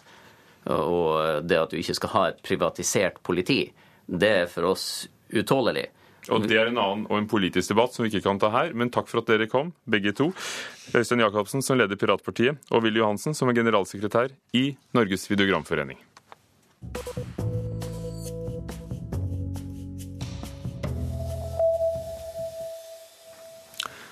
Kulturminister Hadia Tajik frykter at en tredjedel av de norske avisene vil forsvinne med en borgerlig mediepolitikk. Høyre og Fremskrittspartiet foreslår å kutte 100 og 180 millioner kroner i produksjonstilskuddet til avisene, eh, noe som ifølge ministeren vil sette 50-70 aviser i faresonen. Det er helt feil å gå eh, om man ønsker mediemangfold, sier Tajik. Og Klassekampens Bjørgulf Braanen mener slike kutt vil bety kroken på døren for disse avisene. Deler av avdøde Tore Holms kunstsamling skal selges, skriver Aftenposten. Holm etterlater seg en av Norges største private kunstsamlinger, bl.a. med mange bilder av Olivier Debré og andre som han fikk kontakt med gjennom galleristen Håken Christensen.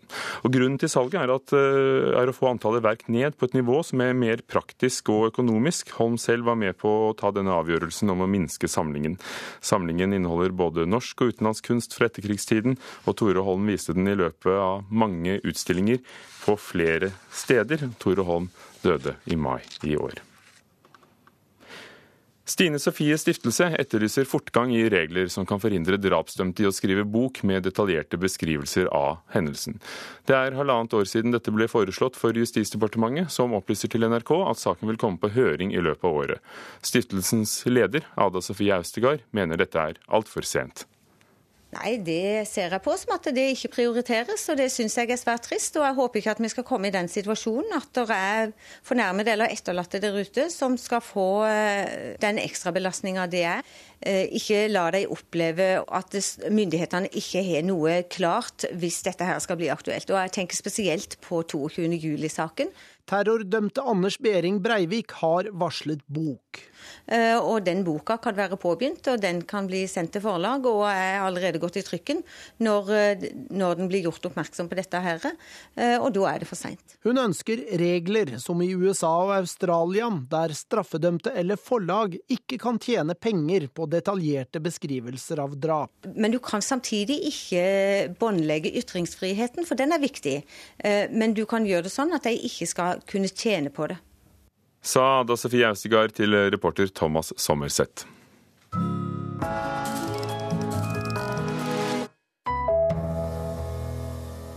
Den norske videokunstscenen syder, sier lederen av den internasjonale videokunstfestivalen som ble avsluttet i Berlin i Tyskland i går. Flere norske kunstnere har deltatt. En ung kvinne er på joggetur på en øde veistrekning. Hva tenker hun? Frykter hun noe? Jeg er på Rencontre Internationale, en franskinspirert filmfestival der den norske filmkunstneren Kaja Leion viser sin nye kortfilm 'Wasteland'. Et møte med fire kvinner i fire ulike hverdagssituasjoner. Filmen er uten plott eller handling i vanlig forstand, og scenene er lange og monotone. Hva vil kunstneren oppnå? Med det så ønsker jeg at tilskueren skulle eh, dvele ved de bildene, og nettopp for å tenke hva er det de her bildene betyr, og hva er det som skjer, og stille spørsmål. Kaja Leions film er ett av rundt 150 arbeider fra 50 land som vises på festivalen her i Berlin. Rencontre International avvikles årlig i tre europeiske byer. Paris, Madrid og altså Berlin. Og de norske kunstnerne gir svært viktige bidrag, sier festivalens leder Jean-Francois Rettig. Il y a une scène en Norvège qui est très active. Euh, en tout cas, euh, on a la chance Norske filmkunstnere er svært aktive, og vi er så heldige å ha flere av dem med på vår festival. Her i Berlin er det fem norske artister, og på fjorårets festival i Paris var det hele ti norske kunstnere med, flere av dem med svært interessante verk, sier festivalens leder. Kunstfilmen 'Havanna' er et annet norsk innslag under filmfestivalen her i Berlin. Den viser inntrykksfulle og symboltunge videobilder fra gamlebyen i den cubanske hovedstaden. Jeg vil kalle det en kritisk hyllest til det cubanske folk og en beskrivelse av det kommunistiske Cuba i en brytningstid, sier kunstneren Crispin Gurholt. Stort sett så handler den om, om dette vakuumet de er i nå, hvor de ikke vet helt hvor de skal, og, og er i noe som eh, på en måte er eh, i ferd med å oppløse seg. Kunstfilm og videokunst er dessverre fortsatt en smal sjanger, i skyggen av kommersiell spillefilm. Men det er en sjanger som gir oss noe vi definitivt mangler i dagens mediesamfunn, nemlig ettertanke, sier Crispin Gurholt. Det er vel noe av det som jeg syns er sånn fascinerende med det. ikke sant? At, eh, at, det tvinger deg til å, å, bremse kraftig ned eh, for å gå inn i det. Eh, og det føler jeg at vi trenger.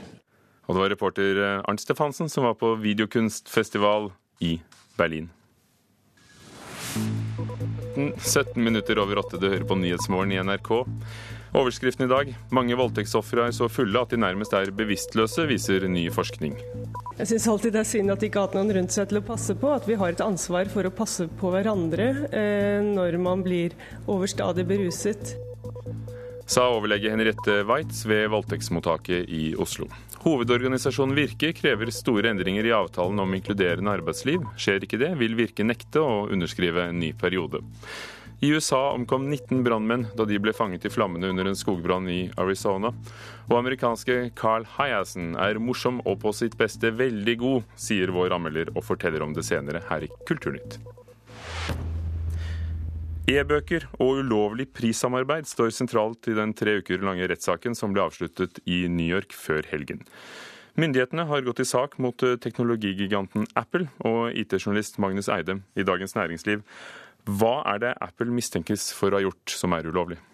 Jo, det Apple har eh, prøvd å få med seg fem kjempestore forlag til å gjøre, det å endre hele forretningsmetoden for eh, e-bøker fra en vanlig Angro-modell hvor uh, Eh, butikker kjøper inn bøker og selger dem til en pris de sjøl setter, til at forlagene skal sette prisen, og så får eh, butikkene en kommisjon på det. Så det som er ulovlig i USA, er det som skal bli lov med den nye bokloven i Norge, faktisk? ja, det kan se sånn ut. Eh, hvorfor har Apple i det hele tatt begynt med dette, hvis de, hvis de har det, da?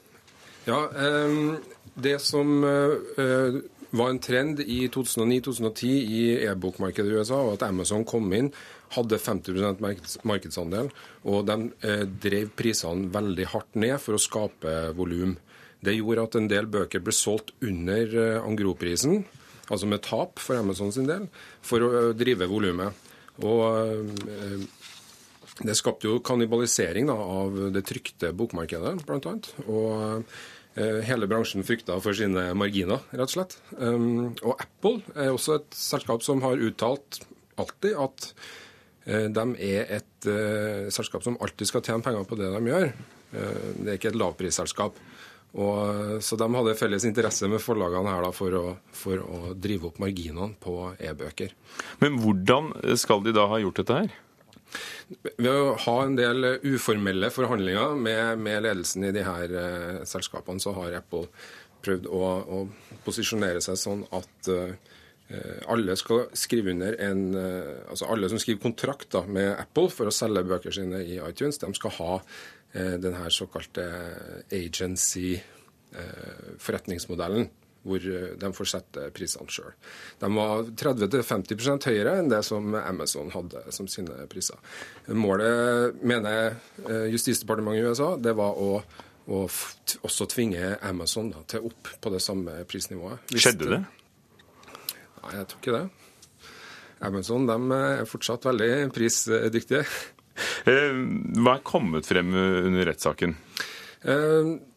Det har vært, Som alltid i amerikanske rettssaker, så er det jo mye Det er e-poster, det er telefonsamtaler, det er mye sånn som blir gjengitt.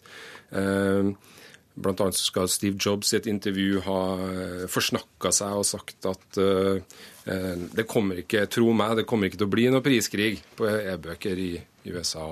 Hvorpå det har vært e-poster som har vært snappa opp i ettertid fra folk i forlagene som har sagt 'å, for en idiot', hvordan kunne han avsløre hele greia. Hva skjer hvis Apple blir dømt? Det som erstatnings... De blir antagelig dømt til å betale en bot til staten. Ikke veldig betydningsfullt. Det ene som skjer, er at de blir stempla som kjeltringer. Det andre som skjer, er at Justisdepartementet er veldig interessert i å dykke, dykke dypere ned i all prisingsstrategi Apple har. Apple tjener 12 milliarder dollar i året på salg gjennom iTunes. Og hvis de har lignende prissettingsstrategier på musikk, film og, og apper, så kan det få store konsekvenser. E-bøker i seg selv er mindre viktig. Og kanskje også for forbrukerne? For forbrukeren vil det ha mye å si. Takk skal du ha, Magnus Eidem, IT-journalist i Dagens Næringsliv.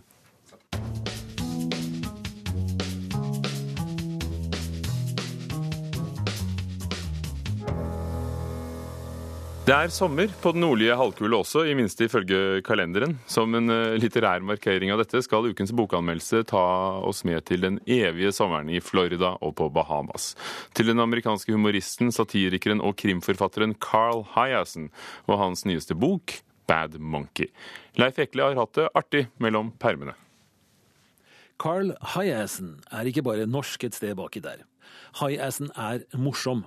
Satirisk vittig, idiotrefsende og gapskrattende morsom, og mener dødsens alvor når det kommer til miljøspørsmål. Eks-journalisten skriver aviskommentarene sine i Miami Herald på samme måte som han skriver kriminalbøker. Slår til alle kanter, trekker seg aldri, og har en usvikelig sans for å finne toskeskap, grådige miljøgribber, spekulanter og patetiske lykkejegere. Det vil si når han er på sitt beste. Han er ikke alltid der. Bad Monkey er imidlertid akkurat der. Uimotståelig morsom og temmelig klok. Vi starter med den slemme apen, Driggs. Litt komplisert blir det nok, men vi får se. Driggs startet karrieren som filmskuespiller og som Johnny Depps sidekick i den første Pirates of the Caribbean-filmen. Der fikk han sparken etter aggressiv atferd og litt for ekshibisjonistisk omgang med egne edlere deler. Han lå tynt an, men havnet hos en 64 år gammel hedersmann og øyboer på Bahamas. Han ville reformere Driggs, men fremfor alt forhindre at hans eget paradisiske barndomshjem ved lagunevannkanten blir bygd ut til luksusboliger av en amerikaner med svindlerfortid og altfor mange penger. I et forsøk på å stoppe amerikaneren ved hjelp av voodoo, havner Driggs midlertidig i voodoo-dronningens varetekt. Ikke bra. Parallelt foregår historiens andre hoveddel i Monroe County, Florida, ikke så veldig langt fra Miami. Der har vår mann, Andrew Yancy, også han en slags hedersmann, fått fyken som etterforsker ved det lokale sheriffkontoret etter å ha angrepet sin elskerinnes ektemann, en lege med forkjærlighet for asfyksiofili, med en støvsuger, offentlig. Jeg må nesten be lytteren slå opp det fremmedordet selv, dersom det ikke lyder umiddelbart kjent. Andrew, stakkar, blir flyttet til matkontrollen og må kontrollere restauranter med svært tvilsomt renhold, i stedet for å utføre ærlig politiarbeid. Det bekymrer ham imidlertid like mye at også hans paradis ved en vannkant er truet av en idiot med penger som vil bygge et fireetasjes hus som vil ødelegge Andrews utsikt til solnedgangen. Yrkesmessige og private utfordringer, altså. Håpet dukker opp i form av en manns venstre arm som en dag dras opp av sjøen av en intetanende turistfisker. Andrew får jobben med å frakte armen til rettsmedisineren i Miami. En vakker, kvinnelig utgave av kategorien. Og vi har det gående. Nå vel, Dette skulle være en anmeldelse, ikke et referat. I så måte ligger jeg litt tynt an. Jeg håper imidlertid at jeg har fått sagt følgende. Denne gangen er det en svært god idé å følge Carl Hyacens krumspring ved og på det turkisblå Floridavannet, også når det er styggevær. Det er også vanskelig å tenke seg annet enn at det norske forlaget plukker den opp. Leif Ekle anmeldte Carl Heiesens Bad Monkey i Kulturnytt. Med 900 års mellomrom på hver sin kant av verden levde to diktere som var opptatt av mye av det samme. Nå skal Bjørnstjerne Bjørnson møte den kinesiske poeten Tu Fu i en ny bok, både med sitater og strek. Her satt han og arbeidet. Bjørnstjerne Bjørnsons arbeidsværelse hjemme på Aulestad i Gausdal. Skrev dikt og artikler og brev som han sendte rundt i Europa. Her har Tarjei Østrem Svalastog vært omviser i flere år. Eh, ja, jeg har arbeidet på Aulestad i tre sesonger. Nå har tegneserietegneren bosatt i Sverige gitt ut boka 'Bjørnstjerne Bjørnson møter Tufu'. Ja, når man går omkring her hver dag, så plukker man opp en stemning fra, fra hele huset. Tufu, som levde på 700-tallet, regnes av mange som Kinas største poet. I 'Bjørnstjerne Bjørnson møter Tufu' lar Svalastog de to forskjellige personlighetene møtes gjennom sine tegninger og deres egne ord. Eh, altså jeg har tatt sitater fra Bjørnstjerne Bjørnson og så sitater fra Tufu. Og så har jeg kombinert de eh, ganske hensynsløst, sånn at det ser ut som at de har en samtale. Ja, det begynner med Tufus strålende presentasjon av seg selv. Og når Tufu i et dikt sier at han er for tynt kledd for dette klimaet, dukker Bjørnson opp og inviterer ham inn på Aulestad. Og så sitter de eh, på Aulestad hele natta og, og utveksler replikker. Det er sjelden at jeg eh, over bordet sier at dette eh, er så morsomt at dette må vi prøve å få til. Sier Anne Grete Messel i Messel forlag, som gir ut boka. I første omgang så var det nok tegningene som var så fantastisk flotte og morsomme. Men også veldig fascinerende med disse to store poetene fra hver sin kultur som han fører sammen i en samtale ved å bruke sitater fra deres verk. Den 22-årige tegneserieskaperen har studert estetikk og idéhistorie. Boka har han dedikert til sin bestemor og kunstner Borgny Svalastog. Så når jeg arbeider her, så bor jeg hos min bestemor og bestefar. Der er det veldig mange bøker, og ikke minst om kinesisk poesi. Så da føltes det ganske naturlig å la Tufu komme på besøk til Aulestad.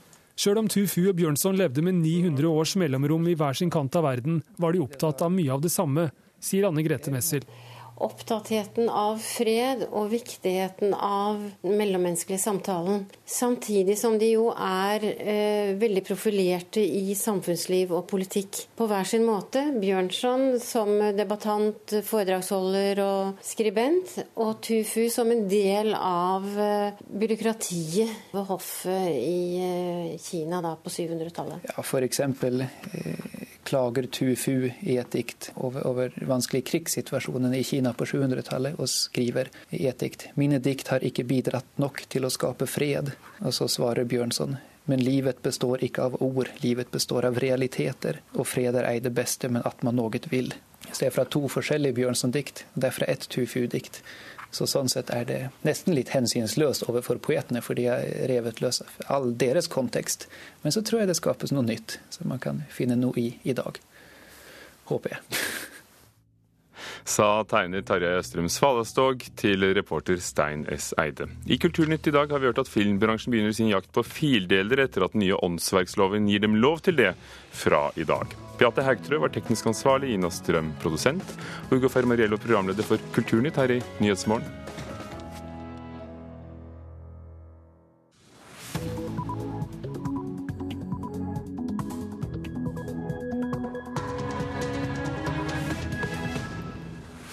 Her i Nyhetsmorgen skal du i den neste halve timen bl.a. få høre mer om et utenriksministermøte i Brunei.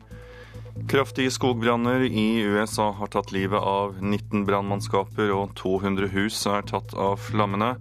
Og mange voldtektsofre er så fulle at de nærmest er bevisstløse. Det viser ny forskning. Jeg heter Tor Albert Frøsland.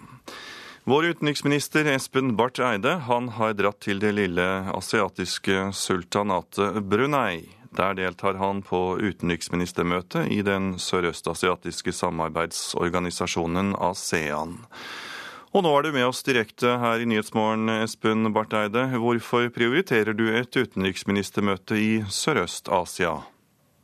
Ja, god morgen. Eh, dette er altså et møte eh, for de eh, sørøstasiatiske statene, de ti medlemmene i ASEAN. Men det er også svært mange andre som er her som gjester. Det gjelder amerikanske utenriksministeren Kerry, det gjelder Kinas utenriksminister, det gjelder EUs e Cathy Ashton. Og om meget kort tid så skal jeg delta på en høytidelig signeringsseremoni, hvor Norge nå også blir en eh, partner til eh, ASEAN. Eh, det gjør vi fordi at Norge og norsk næringsliv er stadig mer til stede i denne delen av verden. Og Det samarbeidet som nå utvikler seg innenfor ASEAN, er altså en regional integrasjon som kan ha stor betydning internasjonalt i fremtiden. og Vi er invitert til å være en av mange samarbeidspartnere til det. Ja, avtale skal signeres, og landene i Sørøst-Asia er stadig viktigere for Norge, både økonomisk og politisk, eh, sier dere vel i UD. Betyr det at de som tradisjonelt har vært våre viktigste partnere, altså bl.a. her i Europa, nå blir mindre viktige? Det er klart at I all overskuelig fremtid så vil eh, våre aller nærmeste partnere være våre partnere i Europa. Eh, I Norden og de europeiske landene og EU. Det kan det ikke være noen tvil om. Men relativt sett så ser vi jo nå at eh, land lenger vekk, både i Asia, Latin-Amerika og Afrika, blir viktigere, ikke minst i forhold til norsk næringslivsengasjement.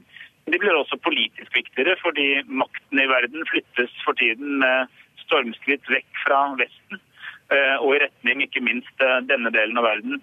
Og Med et raskt voksende Kina i nord så ser vi at eh, landene i ASEAN nå samarbeider tettere, også for å kunne styrke seg i, i kontakten med andre store land i, i, i nærmiljøet. Men hva kan, hva kan Norge få ut av dette, Eide? Ja, altså, Som partner så får Norge en tettere adgang til det arbeidet som eh, skjer her. og Det skaper en god plattform for våre kontakter med enkeltlandene i regionen. Det er allerede en ganske omfattende kontaktflate mot uh, praktisk talt alle medlemmene av uh, ASEAN. Det er snakk om det er investeringer, det er samhandling, det er shipping, det er energi, olje og gass og, og vannkraft. Og Når de da gjør mer og mer av dette sammen, og ikke bare hver for seg, så det er naturlig at vi også følger med og blir mer kjent med den regionale sammenslutningen. Og slik tenker mange andre land også. så her er min kanadiske kollega, her er min amerikanske kollega, her er uh, Russlands utenriksminister Sergej Lavrov. Eh, og selvfølgelig alle fra nabolandene mm. i, rundt omkring i Asia. Så dette er nå blitt et veldig viktig forum. Men et, og, eh, et, av landene Eide, som eh, det ikke har vært så god kontakt med som det var tidligere, altså da før en Nobels fredspris, det er Kina. Men du har nå i dag møtt og hatt samtaler med Kinas utenriksminister. Hva snakket dere om? Ja, Jeg møtte nettopp den nye kinesiske utenriksministeren. Det har jo vært et et, eh, et, skifte av ledelse i Kina etter, eh, etter, kongressen de hadde tidligere i år. Hva kom frem under samtalen med det? Ja, jeg, Vi snakket om uh, Arktisk råd, helt konkret. Han takket for den norske støtten til, uh, til, at Kina ble medlem i Arktisk råd. og Han uttrykte også glede over at Norge nå slutter seg til denne det som heter traktaten for uh, vennskap og samarbeid i Sørøst-Asia, som han syntes var en god idé. Så vi hadde en, en god samtale om spørsmål av eh, felles interesse. Vi gikk ikke denne gangen noe nærmere inn på våre bilaterale relasjoner, men det kommer vi til å gjøre ved neste korsvei. Takk skal du ha, utenriksminister Espen Barth Eide. I den amerikanske delstaten Arizona så mistet 19 brannmenn livet i morges. De prøvde å slukke en stor skogbrann nær byen Yarnell da de ble fanget av flammene. And breaking news just coming into our newsroom. We have confirmed that 18 firefighters have died while fighting the Yarnell. Ennå har ikke ankerkvinnen i KNXV TV i Phoenix, Arizona fått bekreftet at også den 19. brannmannen er død. Direktesendingene viser høye oransje flammer over et kupert terreng med lav, spredd skog av busker og trær. Et helt brannlag ble sperret inne av flammene. De satte opp sine mobile tilfluktsrom metallforsterkede telt som gir en viss beskyttelse mot flammer. Men det var ikke nok. De omkomne brannmennene slåss mot flammene som siden fredag har truet den lille byen Jarnell. til ingen nytte. Nesten hele byen er nå brent ned. Innbyggerne var evakuert. De er trygge. Det er ekstreme forhold i denne delen av Arizona. Det har vært tørke i ti år. Det er store mengder tørr underskog som gir enhver flamme ammunisjon til å bli en truende storbrann. Myndighetene opplyser at brannen er ute av kontroll.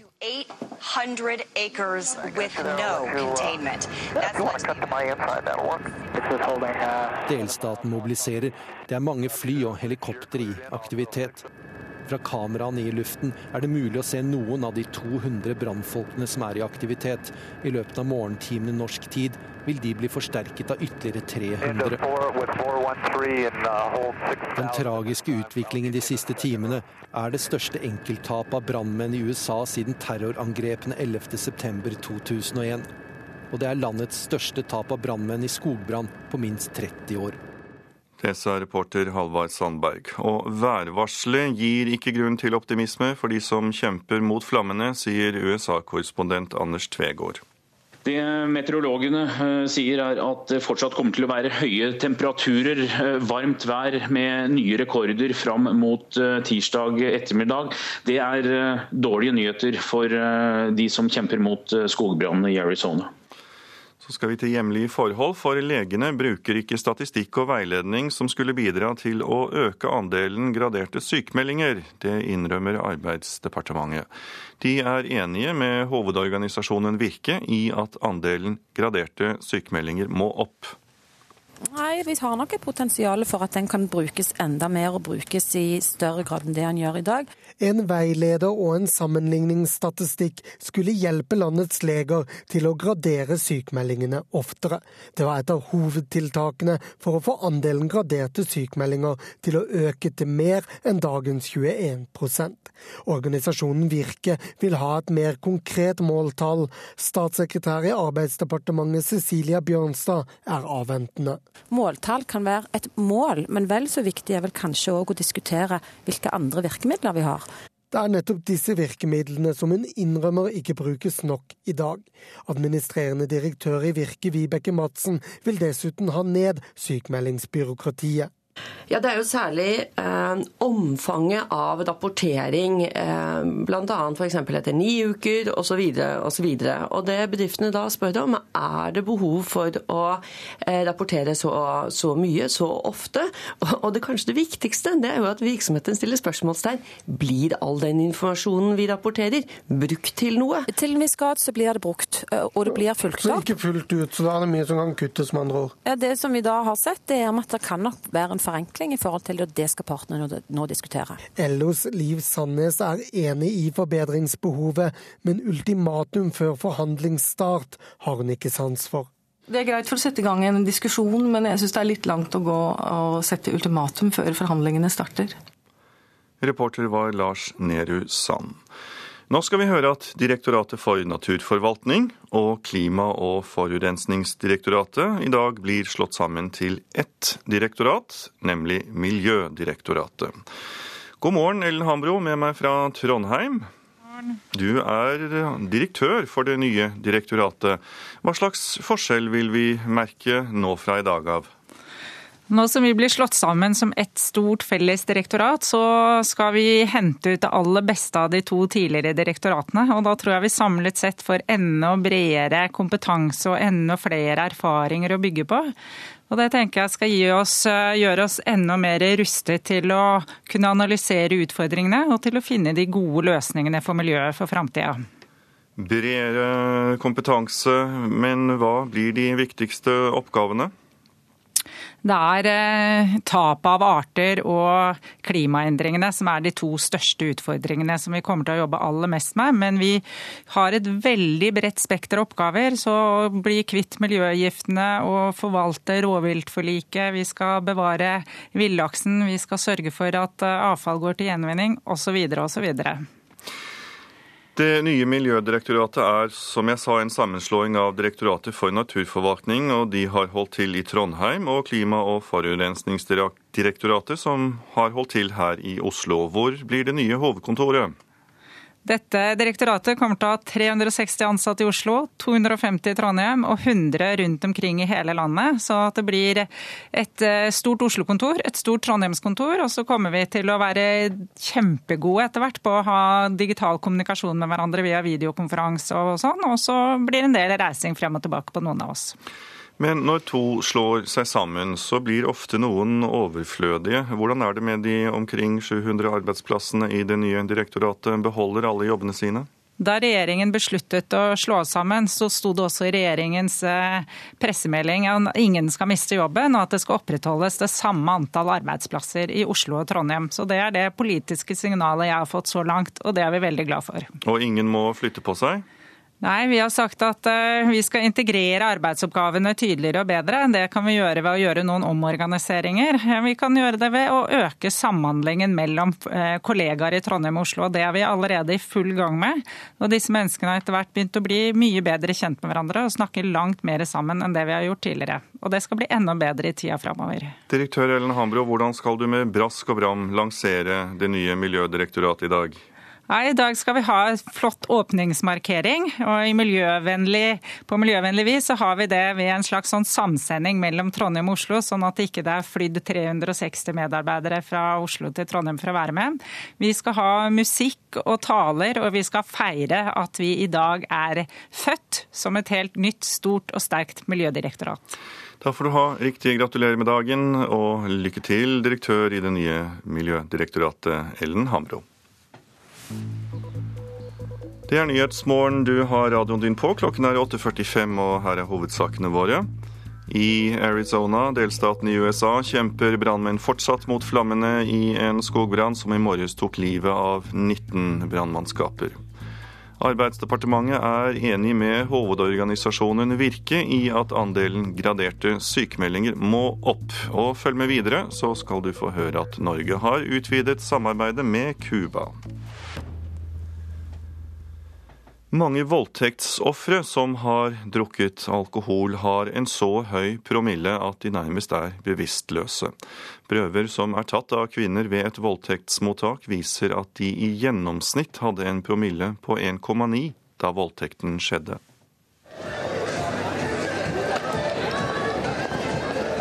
Det er sein lørdagskveld, og i Oslos paradegate har mange fått altfor mye å drikke. Jentene som blir for fulle i kveld, er mer utsatt for voldtekt. Du blir eh, et lett bytte for eh, andre mennesker, bl.a. for voldtekt, når du drikker store mengder alkohol. Sier overlege Cecilie Hagemann.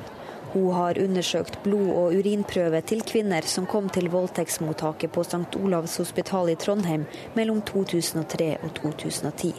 Hagemann har regna seg frem til at dem som var full, hadde en promille på 1,9 i snitt da voldtekten skjedde. 1,9 er en så høy promille at den er nok til å sette de fleste mennesker ut av spill. Mer enn åtte av ti sa de hadde drukket før overgrepet, og 40% huska ikke voldtekten. Man kan være så beruset at man overhodet ikke er i stand til å motsette seg noe som helst av seksuelle handlinger. Man er ikke egentlig samtykkekompetent. Så bruker vi disse Eh, her. Sånn Hit til voldtektsmottaket i Oslo kommer mange for å få hjelp. Her, har vi jo her finnes ingen studier av hvor fulle voldtektsofrene har vært. Men ifølge overlege Henriette Waitz er 70% av de som kommer hit, ruset på en eller annen måte. Vi er eh, generelt mer utsatt både for ulykker og overgrep når vi er beruset. Overlegen ser både kvinner som har blitt skjenket av andre, men også dem som har drukket for mye selv. Jeg syns alltid det er synd at de ikke har hatt noen rundt seg til å passe på, at vi har et ansvar for å passe på hverandre eh, når man blir overstadig beruset. To ganger jeg har hatt på en måte blackout, at jeg ikke husker hva som har ja, skjedd i et par timer utover kvelden. Og det liker jeg ikke i det hele tatt. Tilbake på Karl Johan forteller Sara Landsverk og venninna Andrea Østvik at de har drukket seg for fulle og lært av det. Frykten for voldtekt sitter i dem begge og gjør at de tar forhåndsregler. Jeg tenker over det, fordi at eh, jeg har opplevd å bli faktisk eh, eh antasta i en taxi. Så det syns jeg var veldig, veldig ekkelt. Og det har sittet i meg lenge. Sånn at eh, jeg er skeptisk. Eh, og litt, litt, redd for det. Og det gjør at jeg tar kanskje litt mer fornuftige valg enn jeg gjorde når jeg var 18 år gammel. Reportere var Kristine Svendsen og Fredrik Lauritzen. Og Oddfri Skorpe Tenfjord, som er rådgiver ved Ressurssenteret for vold og traumatisk stress i Trondheim, sier det uansett er viktig å ikke legge skyld på voldtektsofrene. Altså Uansett om en er full eller ikke, om en er veldig full eller ikke, så skal en slippe å bli voldtatt. Eh, så når den utsatte her, eller jenter her og forskere nå, derfor sier jeg at jenter må ta forhåndsregler, så er det ikke snakk om skyld, sånn som jeg oppfatter det her. Det er mer det å ta denne kunnskapen på alvor og vite at man er i en mer sårbar situasjon. Ruspolitikk, er det viktig for å forebygge voldtekt? Det kan jo se sånn ut. Altså, det er ikke bare Cecilie Hagemann sin undersøkelse som viser at uh, ca. 60 har, har, alkohol i blodet høyt nivå. Uh, det er andre nordiske undersøkelser som sier det samme. Så, så det kan nok um, være lurt å se litt på hvordan vi ønsker um, at unge, ikke minst da for risikoen for å bli utsatt for voldtekt, er, er størst. Rundt 16 til ja, 25 år. Det er litt forskjellige undersøkelser på det. men men, eh, og der vet vi jo at alkohol eh, i, med fester og, og, full er veldig vanlig. Så det å se på hvordan man kan få opp f.eks. debutalder på alkohol, arenaer der gjerne alkoholen ikke blir fullt så viktig som det sosiale limet. Men det er krevende, rett og slett fordi alkohol er en viktig del av vårt samfunn. Og du kan lese mer om den undersøkelsen på våre nettsider nrk.no. Nå skal vi høre at det er blitt dyrere å fly. Prisene for privatreiser har steget med over 20% det siste året, viser tall fra Statistisk sentralbyrå. Men flyselskapene kjenner seg ikke igjen. Vi har i hvert fall ikke eh, sett en eh, slik økning. Det er fortsatt veldig mye billetter eh, å få tak i. Det sier informasjonssjefen i SAS, Knut Morten Johansen. SSB har sett på flyprisene ved innenriksreiser og til seks reisemål i utlandet. Dagens Næringsliv skriver i dag at stikkprøvene avslører et prishopp på 23% det siste året. Men både SAS og Norwegian er skeptiske til tallene fordi de baserer seg på stikkprøver. Vi er litt kritiske til det nå, fordi at uh, hvis du planlegger litt tidlig, så finner du billige billetter på de aller, aller, aller fleste fly. Men hvis du da tar kontrollen tett opp til når flyet er nesten utsolgt, så, så, vil eh, det være de dyreste billettene igjen. Så det handler litt om når man tar denne, denne testen, åpenbart. Knut Morten Johansen sier de har blitt flinkere til å planlegge, slik at det blir færre tomme seter i flyene. Dermed blir det vanskeligere å finne billige billetter tett opp mot avreise. Det gode rådet planlegg tidlig og og gå rundt, og så finner du, billige billetter. Det kan jeg garantere. Reporter var Siv Sandvik. Reiselivsbedrifter uten helårsdrift klarer ikke å rekruttere norske ansatte. På Andenes turister kun, møtes turister kun av utenlandske guider når de skal se hval. Danielle Sanoni ved Hvalsafari AS sier at av 300 søkere til årets sesong var kun én fra Norge. I fjor fikk vi litt over 300 søknader, én eh, fra Norge. Jeg vil gjerne ha noen nordmenn, fordi vi er i Norge, så det er fint å kunne tilby eh, ordentlig norsk språk. Vi har selvfølgelig norsk, men det er snakket av utlendinger eller har vi svensk skal vi se på hva som står på noen avisforsider. Hver fjerde bedriftsleder er pessimist, skriver Aftenposten. Bedriftslederne tror på lavere omsetning og dårligere lønnsomhet i år. Det er det DNBs bedriftsbarometer som viser. Gratis buss skal løse trafikkaos. Flere byer over hele verden forsøker seg med gratis kollektivtransport. Kan dette være løsningen på storbyens trafikk- og miljøproblemer, spør Dagsavisen. Halvparten av oss ønsker ikke at kommunen vi bor i skal bli større. Det viser en undersøkelse presentert i Nasjonen i dag. Forsker mener motstanden er en ryggmargsrefleks mot sentralisering. Diabetesfaren preger forsiden til Dagbladet. Endret livsstil og vekttap hjelper nemlig ikke på hjerte- og karrisiko. Det viser en studie av pasienter med diabetes type 2. Norske forskere er overrasket over resultatet. Banken tjener fett på boliglånet ditt, hevder VG. Banken tar nemlig én av to rentekroner, og avisen viser deg hvordan du kan få ned renten. Kvinner undervurderer egen kompetanse, det kan vi lese i Dagens Næringsliv. Forskning viser at kvinner er langt flinkere til å vurdere seg selv enn menn. Menn har nemlig en overdreven tro på seg og sin kompetanse. Østkanten i Oslo blir grovt underrepresentert på Stortinget til høsten. Det kan Klassekampen fortelle oss. Kun én stortingskandidat velges inn fra de østlige bydelene i hovedstaden. Finansavisen kan fortelle oss at aksjen til Opera Software har hatt et kraftig verdihopp. Siden nyttår har den steget med 49% og de som har aksjer i selskapet, har økt formuen sin.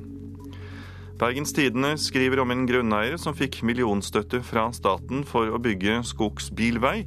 Nå har kommunen stoppet arbeidet etter å ha funnet forurenset bygningsavfall i naturområdet.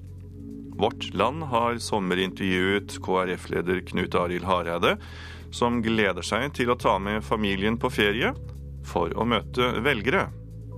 Og Nordlys kan fortelle oss at de siste fem årene er 268 mennesker skadet og drept på ferieveien til Sverige. I går omkom en norsk kvinne på E10, der til sammen sju nordmenn var involvert i ulykken. Nå skal vi høre at Norge utvider samarbeidet med Cuba.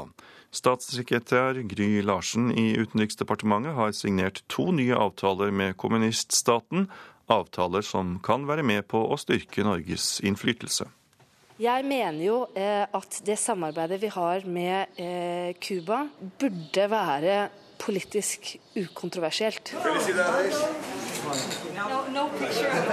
Klokka er ti på formiddagen, og det skåles i hvitvin i Havanna. Norge har nettopp skrevet under på en avtale som finansierer cubanske leger på Haiti i tre år til. Haiti sliter fortsatt etter jordskjelvet i 2010. Norge hjelper gjennom å støtte cubansk medisinsk personell med fem millioner kroner i året. Statssekretær Gry Larsen i Utenriksdepartementet ledet den norske delegasjonen på Cuba. Dette er en del av de politiske prioriteringene eh, vi har. Og gjennom dette samarbeidet med Cuba så kan vi være med å sørge for å redde liv. Uh, to uh, uh, Cubanernes største eksport er leger, og regimet høster stor respekt i regionen for den sosiale innsatsen. Nasjonalsangen spilles på gårdsplassen utenfor bygget som skal huse et senter for forebygging av naturkatastrofer i Karibia. Inne er lite klart ennå, men dette skal bli en regional samlingsplass for å begrense de humanitære lidelsene når sykloner og uvær pisker regionen. Også her er Norge sentral bidragsyter, og den norske statssekretæren er med på den symbolske snorklippingen. Det å ha flere ulike samarbeid gjør at eh, dialogen også knytta til krevende, vanskelige spørsmål, bl.a. menneskerettigheter, eh, blir eh, lettere. Fordi at det bilaterale samarbeidet har flere ben å stå på. Det er to år siden sist en norsk statssekretær var på Cuba. Anders Tvegård, Havanna, Cuba. Og så skal du få høre hvordan juliværet blir, i alle fall for den første dagen av juli i dag. Fjellet i Sør-Norge får stort sett oppholdsvær, fra i ettermiddag enkelte regnbyger. Østlandet og Aust-Agder og Telemark stort sett opphold og stedvis noe sol. Lokal morgentåke. Fra i ettermiddag enkelte regnbyger i indre strøk, vesentlig vest for Mjøsa. Vest-Agder enkelte regnbyger, fra i ettermiddag etter hvert lettere vær og skydekke. Vestlandet sør for Stad litt regn, i ettermiddag skiftende skydekke, enkelte regnbyger. Møre og Romsdal og Trøndelag litt regn på Sunnmøre, for øvrig stort sett oppholdsvær. I ettermiddag regnbyger. Helgeland og Saltfjellet får delvis skyet, til dels pent vær. Fra i ettermiddag litt regn, først i sør. Salten og Ofoten for det meste pent vær, utrygt for ettermiddagsbyger i indre strøk. Lofoten og Vesterålen pent vær, i kveld utrygt for tåke i Vesterålen. Troms for det meste pent vær, utrygt for ettermiddagsbyger i indre strøk. Finnmark får skyet eller delvis skyet oppholdsvær. Fra i ettermiddag enkelte regnbyger i indre og østlige strøk. Utrygt for torden og lokal tåke på kysten. På Nordensjøland på Spitsbergen blir det litt regn og en del tåke. Morgentemperaturer målt klokken sju. Svalbard lufthavn 10 grader. Kirkenes har den høyeste temperaturen på listen med 20 grader. Vardø 12, Alta 14, Tromsø, Langnes og Bodø 13. Brønnøysund 18, Trondheim-Værnes 19, Molde 13, Bergen-Flesland 12, Stavanger 13, Kristiansand-Kjevik 11, Gardermoen 12, Lillehammer 13, Røros 12, og i Oslo hadde Blindern 14 grader klokken 7. Ansvarlig for nyhetssendingen i dag, det er Elin Pettersen. Produsent for Nyhetsmorgen heter Eli Bjelland. Teknisk ansvarlig Beate Haugtrø. Programleder Tor Albert Frøsland. I Alltid nyheter får du nå reprisen av Nyhetsmorgen, og i P2 får du samfunnsprogrammet Ekko. Du har hørt en podkast fra NRK P2.